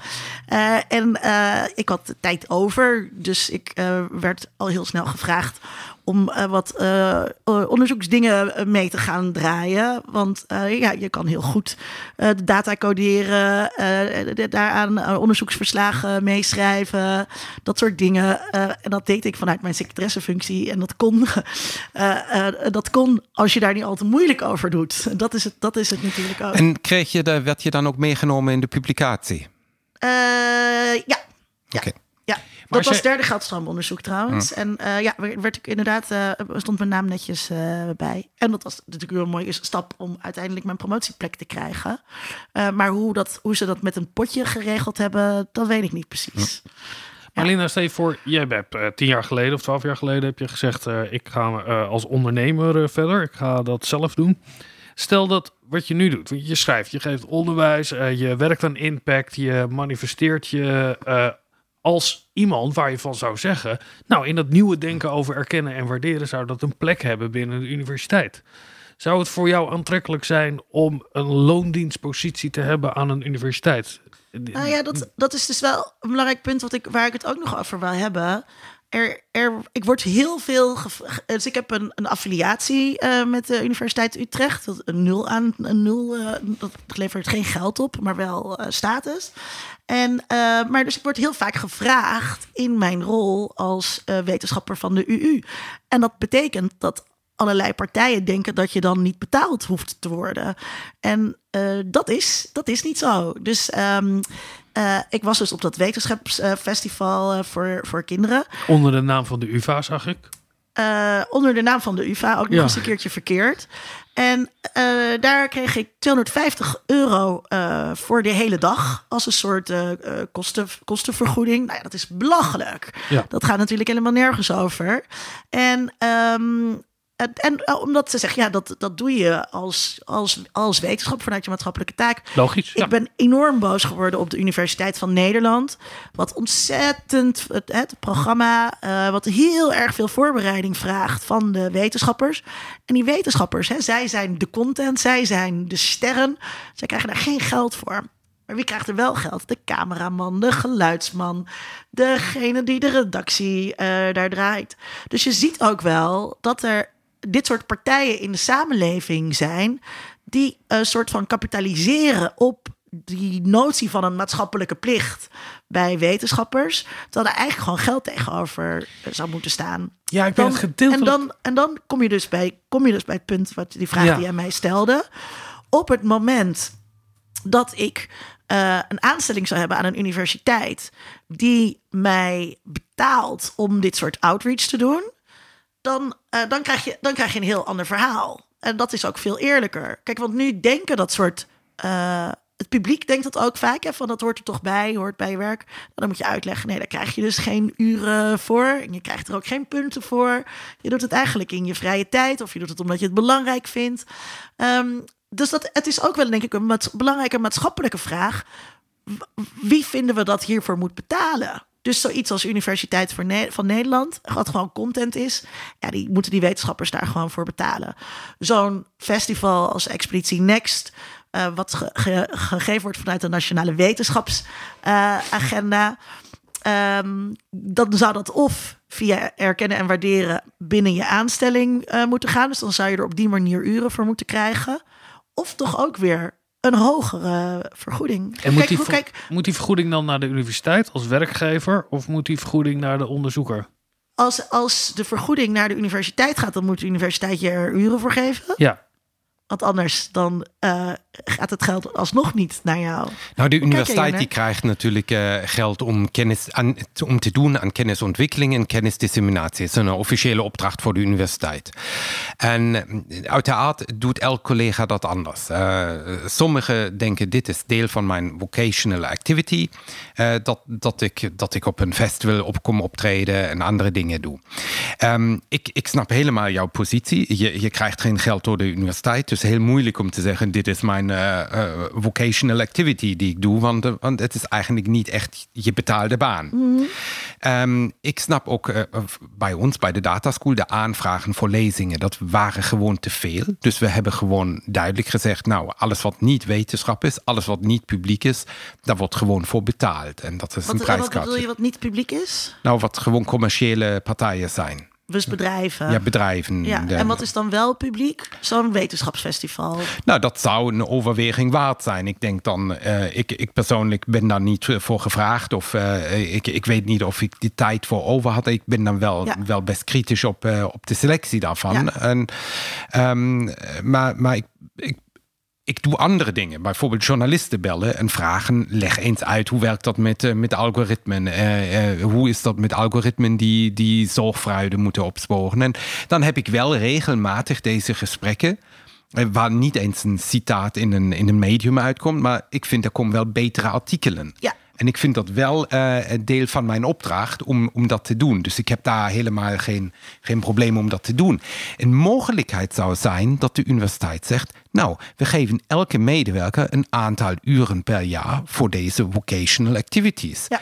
En dan heb je een soort lump sum aan, aan uren die hier worden meegenomen. En dat kost natuurlijk geld. Ik denk dat het budgetair voor een universiteit een best, best grote opdracht is. En we zien ook dat sommige collega's worden veel vaker gevraagd dan anderen. Geldt trouwens ook voor de interdisciplinaire activiteiten, voor de derde geldstroom, voor de impact. Het zijn toch altijd een ja. beetje mensen die in, in die richting al werken en die dus eh, eh, ja, een grotere ehm, last daar dragen. Ja, dat, dat Matthäus effect, hè. Dus eh, eh, um, for those who have, um, more will be given. Uh, to those who have, more will be given. Eh, en eh, zij die minder hebben, die krijgen zelfs nog steeds minder. Eh, Thijs Bol toont dat ook bijvoorbeeld aan in... ehm, eh, onderzoeksgelden verkrijgen. Dus als je eenmaal de VENI hebt gekregen van NWO, de eerste eh, eh, beurs, zeg maar, dan is de kans ook groot, groter dat je de tweede krijgt. Als je Eh, het niet de- krijgt, de is het echt een subscription op afwijzing. Precies. En, dat is precies eh, het argument ook en, en dat tegen geldt ook met media-aandacht, et cetera. Ja, maar dat is ook het argument tegen eh, een soort team science of hoe je het wil noemen, team research. Ja, dan wil je natuurlijk wel eh, bij Ajax eh, zitten en niet bij FC Cambuur. Eh, je wil dan in het succesvolle team. En dus dan krijg je daar weer een competitie tussen. Nou, daar is helemaal niks mis mee. Ik, ik vind dat aan competitie is sowieso niets mis mee. Wij, wij, wij zijn competitief als wetenschappers. En Dat, dat, dat is erbij. Ik vind dat er perverse prikkels zijn Ja. die ervoor zorgen dat het de verkeerde kant op kan lopen. Dus als je de main incentive de individuele grant en de individuele peer-reviewed artikel is, dan, dan denk je twee keer na of je, eh, of je bijvoorbeeld naar een festival gaat. Want in die tijd kun je ook aan je artikel werken. Of je denkt over na of je een blog schrijft, want eh, die is niet peer-reviewed, die helpt niet. Dus als je carrièrewetenschapper bent, dan is het advies: schrijf veel peer-reviewed artikelen en begin van dag één in te schrijven op al die beurzen. Ja. Ja, Ehm, ja. Ik heb, ik heb ehm, eh, nog één eh, punt dat eraan gelieerd is.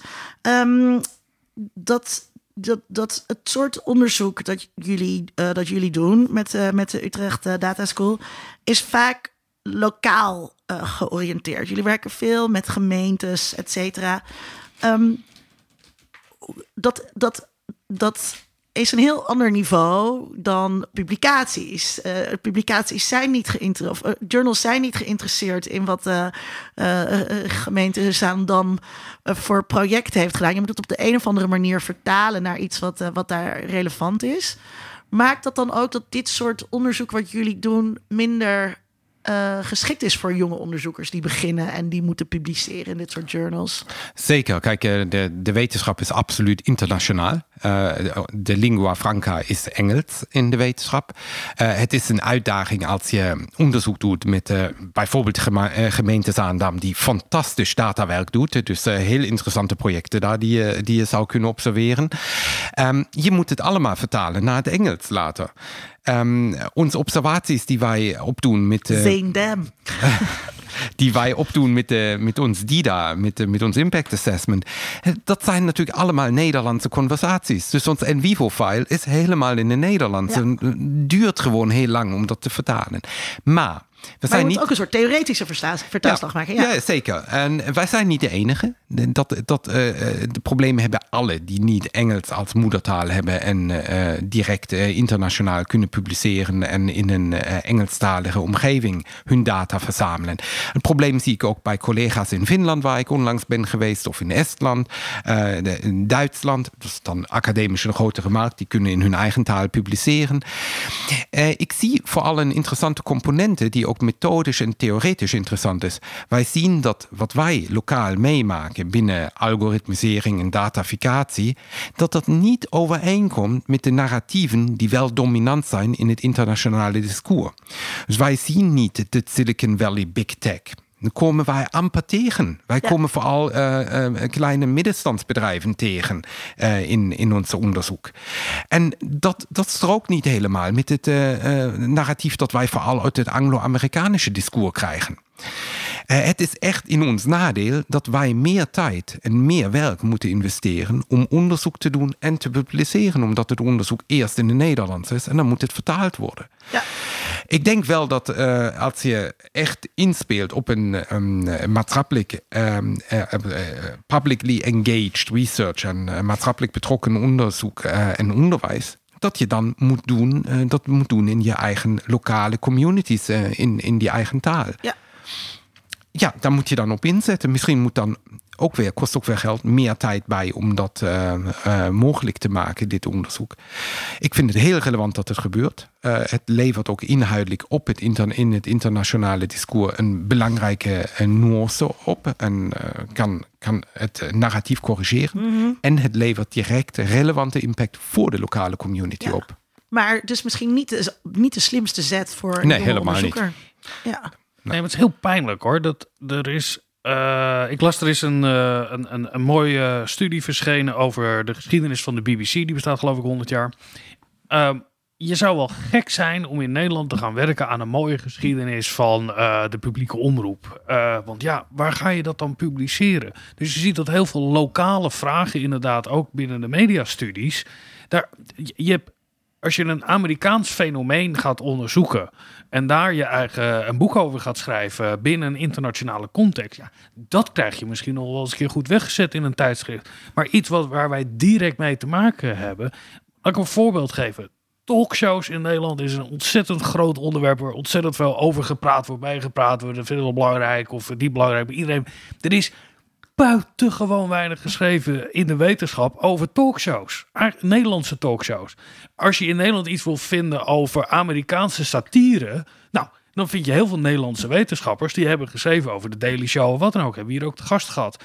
Dat is niet alleen maar omdat het eh, als fenomeen interessanter of internationaal is, maar dat is ook omdat je daarmee resoneert binnen een groter netwerk. En dat is wel echt een, eh, een groot probleem ook weer nou ja, hoe keuzes worden gemaakt, waar onderzoek naar wordt gedaan. Um, ja, moet ik zeggen dat um, Mark Boukes bijvoorbeeld, die onderzoek heeft gedaan naar Zondag met Lubach.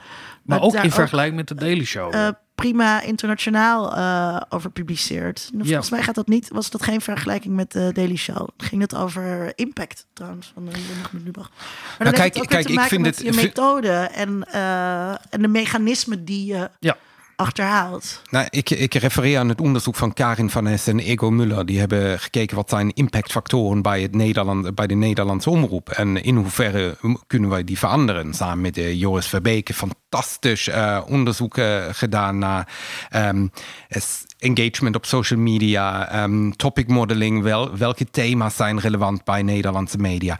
Nou, dit is een onderzoek dat zou je natuurlijk ook internationaal goed kunnen publiceren. Maar het betekent wel dat je dat eerst allemaal vertaalt. Dat kost dus extra tijd.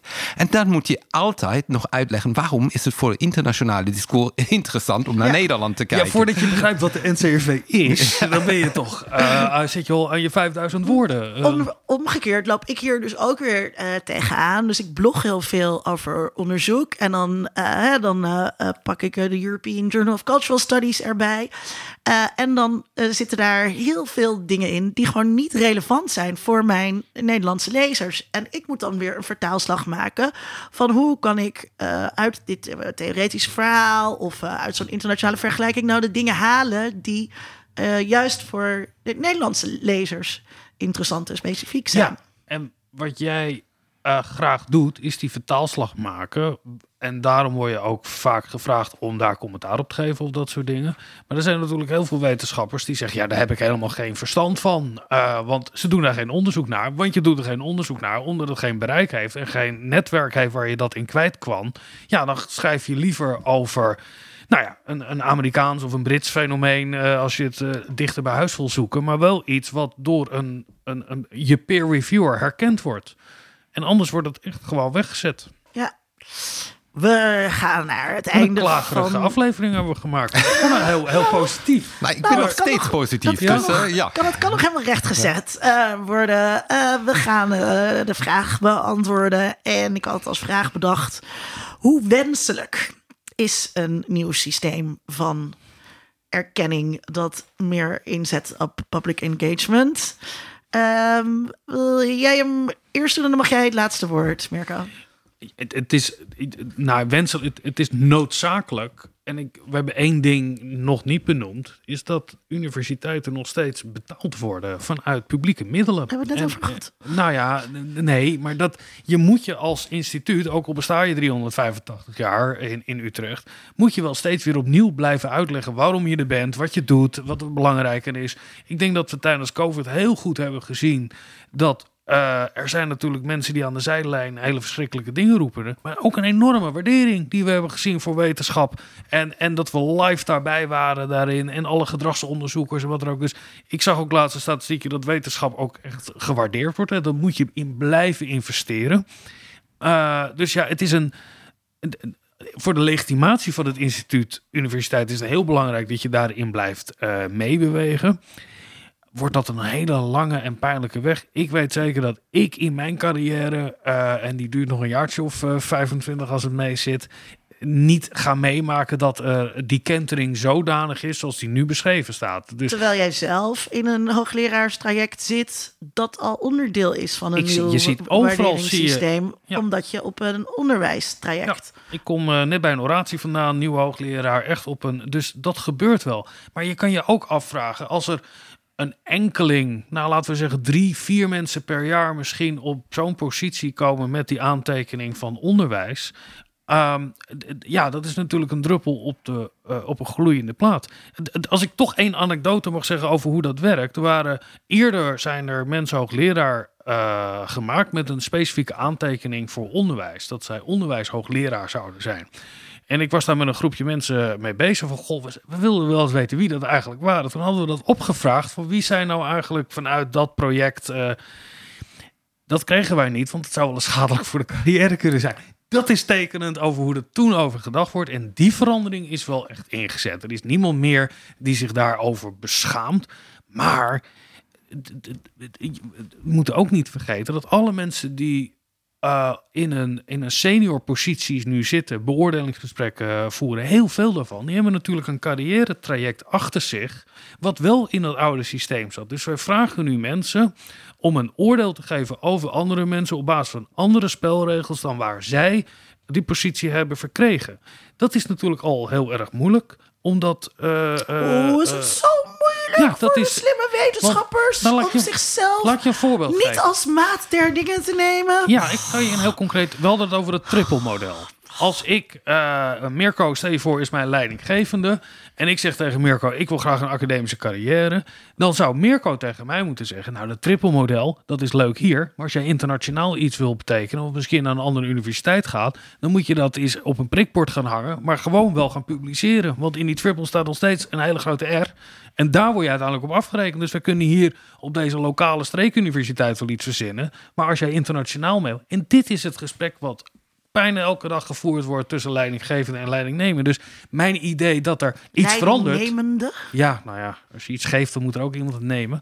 Ehm, dat die verandering, nou, daar gaat al een generatie overheen voordat we daar zijn waar we zouden moeten zijn. Dat gaat heel traag. Mirko, hoe wenselijk is een nieuw systeem van erkenning dat meer eh, eh, ruimte en, eh, en waardering biedt aan public engagement? Ik sluit me aan bij Vincent. Het is noodzakelijk. Ik zie jonge collega's die eh, fantastisch werk eh, leveren. Die ehm, dingen doen die eh, echt ver buiten, buiten het boekje gaan. Wat, ze hoeven dit eigenlijk niet te doen. Ze leveren fantastisch werk. En dat zonder erkenning en waardering. Of, wij, of, of wij erkenning en waarderen echt effectief meemaken op termijn, ik weet het niet. Of het voor mij persoonlijk iets eh, betekent, ik weet het ook niet. Wat ik wel weet is dat die manier eh, van, van samenwerking met externe partijen, de kansen die zich nu bieden, juist voor geesteswetenschappers, om niet alleen aan de zijlijn te staan van de samenleving en commentaar te leveren, maar echt actief mee te bouwen aan de digitale samenleving, die zijn nieuw en ongekend en bieden enorme potentie om eh, de universiteit echt relevant te maken voor de, voor de 21ste eeuw. Dus dat is waar ik wil op focussen. Of ik de waardering ervoor krijg of niet, is veel minder relevant dan wat wij hier kunnen veranderen. Ja, ik, eh, dat, daar, zit, daar zit ik. Ja, ja kijk, eh, eh, leidingnemende, mijn hemel. Eh, ik, eh, het is allemaal leuk en aardig, denk ik, dat universiteiten hier aan gaan werken. Maar voor mij eh, is, het, is, het ook niet, is het ook niet relevant. Kijk, als iemand mij geld wil geven voor de dingen die ik nu al eh, doe. Ik weet ook niet of ik dat eigenlijk, of ik dat, of dat ik dat een heel wenselijke situatie zou vinden om daar een soort eh, salaris voor te krijgen voor een aantal uren dat ik dat doe. Omdat het wat ik nu heb is veel prettiger. Ik kan ja zeggen tegen klussen, maar ik kan ook nee zeggen tegen klussen. Ik kan dingen zelf initiëren, eh, eh, zelf opzoeken. Ik heb enorme vrijheid. Het is juist ehm, die vrijheid en het plezier ook dat dat, dat dat oplevert. Het plezier dat ik heb in, eh, in wat je public engagement zou kunnen noemen. Het plezier dat ik heb in die kennis verspreiden. Al die dingen. Ik zou niet weten hoe de universiteit het voor elkaar krijgt om daar echt een goede functie voor, voor, voor te creëren. Voor mensen zoals ik dan. Hè? Dus het, het, wat het, Ja, maar wat het jij bent een beetje een profiel waar ruimte voor is gemaakt in het beleid om dat te doen. Dus Ehm, eh, en ik, dus ik denk dat het, dat het gewoon heel fijn is als eh, mensen eh, als Mirko meer gewaardeerd worden voor het, het werk dat ze op deze manier doen met dit soort partijen. Of eh, Mark van Oosterburg, die we ook wel eh, vaak hier te gast hebben gehad, die eh, eh, eh, heel veel blogposts schrijft. Dan is het prettig als daar, meer, als daar wat meer eh, waardering en erkenning voor is. Eh, maar voor de enthousiastelingen maakt het geen fuck uit. Want wat jij zegt ook, Mirko, eh, eh, er, er liggen allemaal kansen. Ja, en of je er dan waardering voor krijgt van je leidinggevende, dat maakt niet uit. Jij, jij haalt er zelf lol uit. En wat je zelf aan het doen bent, dat vind je belangrijk. En je haalt er ook geld vandaan. En dat geldt voor mij precies hetzelfde. Ehm, ja, dus de universiteit is hier toch een beetje spuit elf. Denk En het ik. is wel concurrent. Stel je voor dat al die wetenschappers opeens allemaal erkenning krijgen voor in het publieke domein. Dan heb je allemaal concurrenten erbij ineens. Eh, die dus voor gratis werken. Ja. Dat, eh, Ja. Nou ja, maar dat is dus ook een probleem. Dus ik vind ook wel, dat is wel een belangrijk gesprek dat we moeten voeren. Hoor, van wie betaalt eh, die kosten hiervoor op, op welke manier. Want je kunt ook gewoon nog zeggen, hè, dus dit soort lezingen, dat moet de organisatie die die lezing wil betalen. Maar in het beoordelingsformulier bij een jaargesprek krijg je daar wel waardering voor. Hè? Dus niet alle waardering hoeft in de vorm van geld te gaan dat direct, of tenminste geld dat de universiteit verdeelt.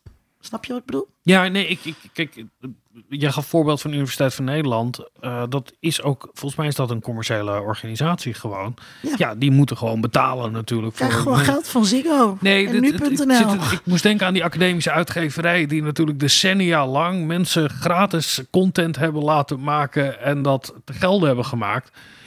Je zou toch uitgever, dat is toch een feest dat je gewoon oh, Erger dan allemaal institu- ja. allemaal instituten in de wereld hebben waar ma- ma- ma- maatschappelijk noem je dat overheidsgeld, maatschappelijk geld naartoe gaat en gratis jouw content maakt. En, en, en tegenwoordig allemaal premium shit aan je proberen te verkopen. Ook nog eens een keer om eh, in leven te blijven. Dat heeft Alexander Klupping slim bedacht met de Universiteit van Nederland. Ja, nou Alexander. Dit was aflevering 159 van de podcast Onder Mediadoktoren. De redactie bestaat uit Linda en Vincent. Kijk op ondermediadoktoren.nl voor ons archief en vind daarin aflevering 1, de deskundige. Kijk, daar begon het allemaal. 31, wetenschapsjournalistiek. Aflevering 60, popularisering van wetenschap. Of misschien aflevering 136, weerstand tegen waarheid. Met Bas Haring. Eh, als, je Mirko eh, als je leuk vindt, luister dan ook naar 134, data, digitalisering en dataficatie. Ehm, deze podcast wordt door eh, onze fijne sponsor enigszins gefinancierd. Maar voor de rest zijn wij onafhankelijk en doen wij dit dus speciaal Onze voor sponsor heeft ook geen beperkingen opgelegd. Hè? We mogen het overal over Wij hebben. hebben geen Ja. redactionele beperkingen. Ehm, als je denkt, wauw, dat vind ik heel erg tof en dat wil ik graag erkennen en eh, waarderen, steun ons dan bijvoorbeeld door vriend van de show te worden of ehm, eh, door een van onze Patreons te worden, zoals natuurlijk Matthijs van Listdonk doet. Eh, je kunt trouwens ook een eenmalige financiële donatie doen. Kan allemaal, kijk op onze website. Je kunt ons ook steunen door iemand die graag podcast luistert over ons te vertellen. Of gewoon mij in te huren voor een lezing of een workshop. Toch even die zelfpromo. Heel veel dank, Mirko, dat je er was. Hartelijk dank voor de uitnodiging. Eh, dank ook Vincent Ja, weer jij bedankt Lina en Marco uiteraard. aan mijn zijde. En over twee weken zijn we er weer. Heel graag. Tot dan. Tot dan. Onder Mediadoktoren is een podcast van Vincent Kronen en Linda Duits. Meer informatie vindt u op ondermediadoktoren.nl.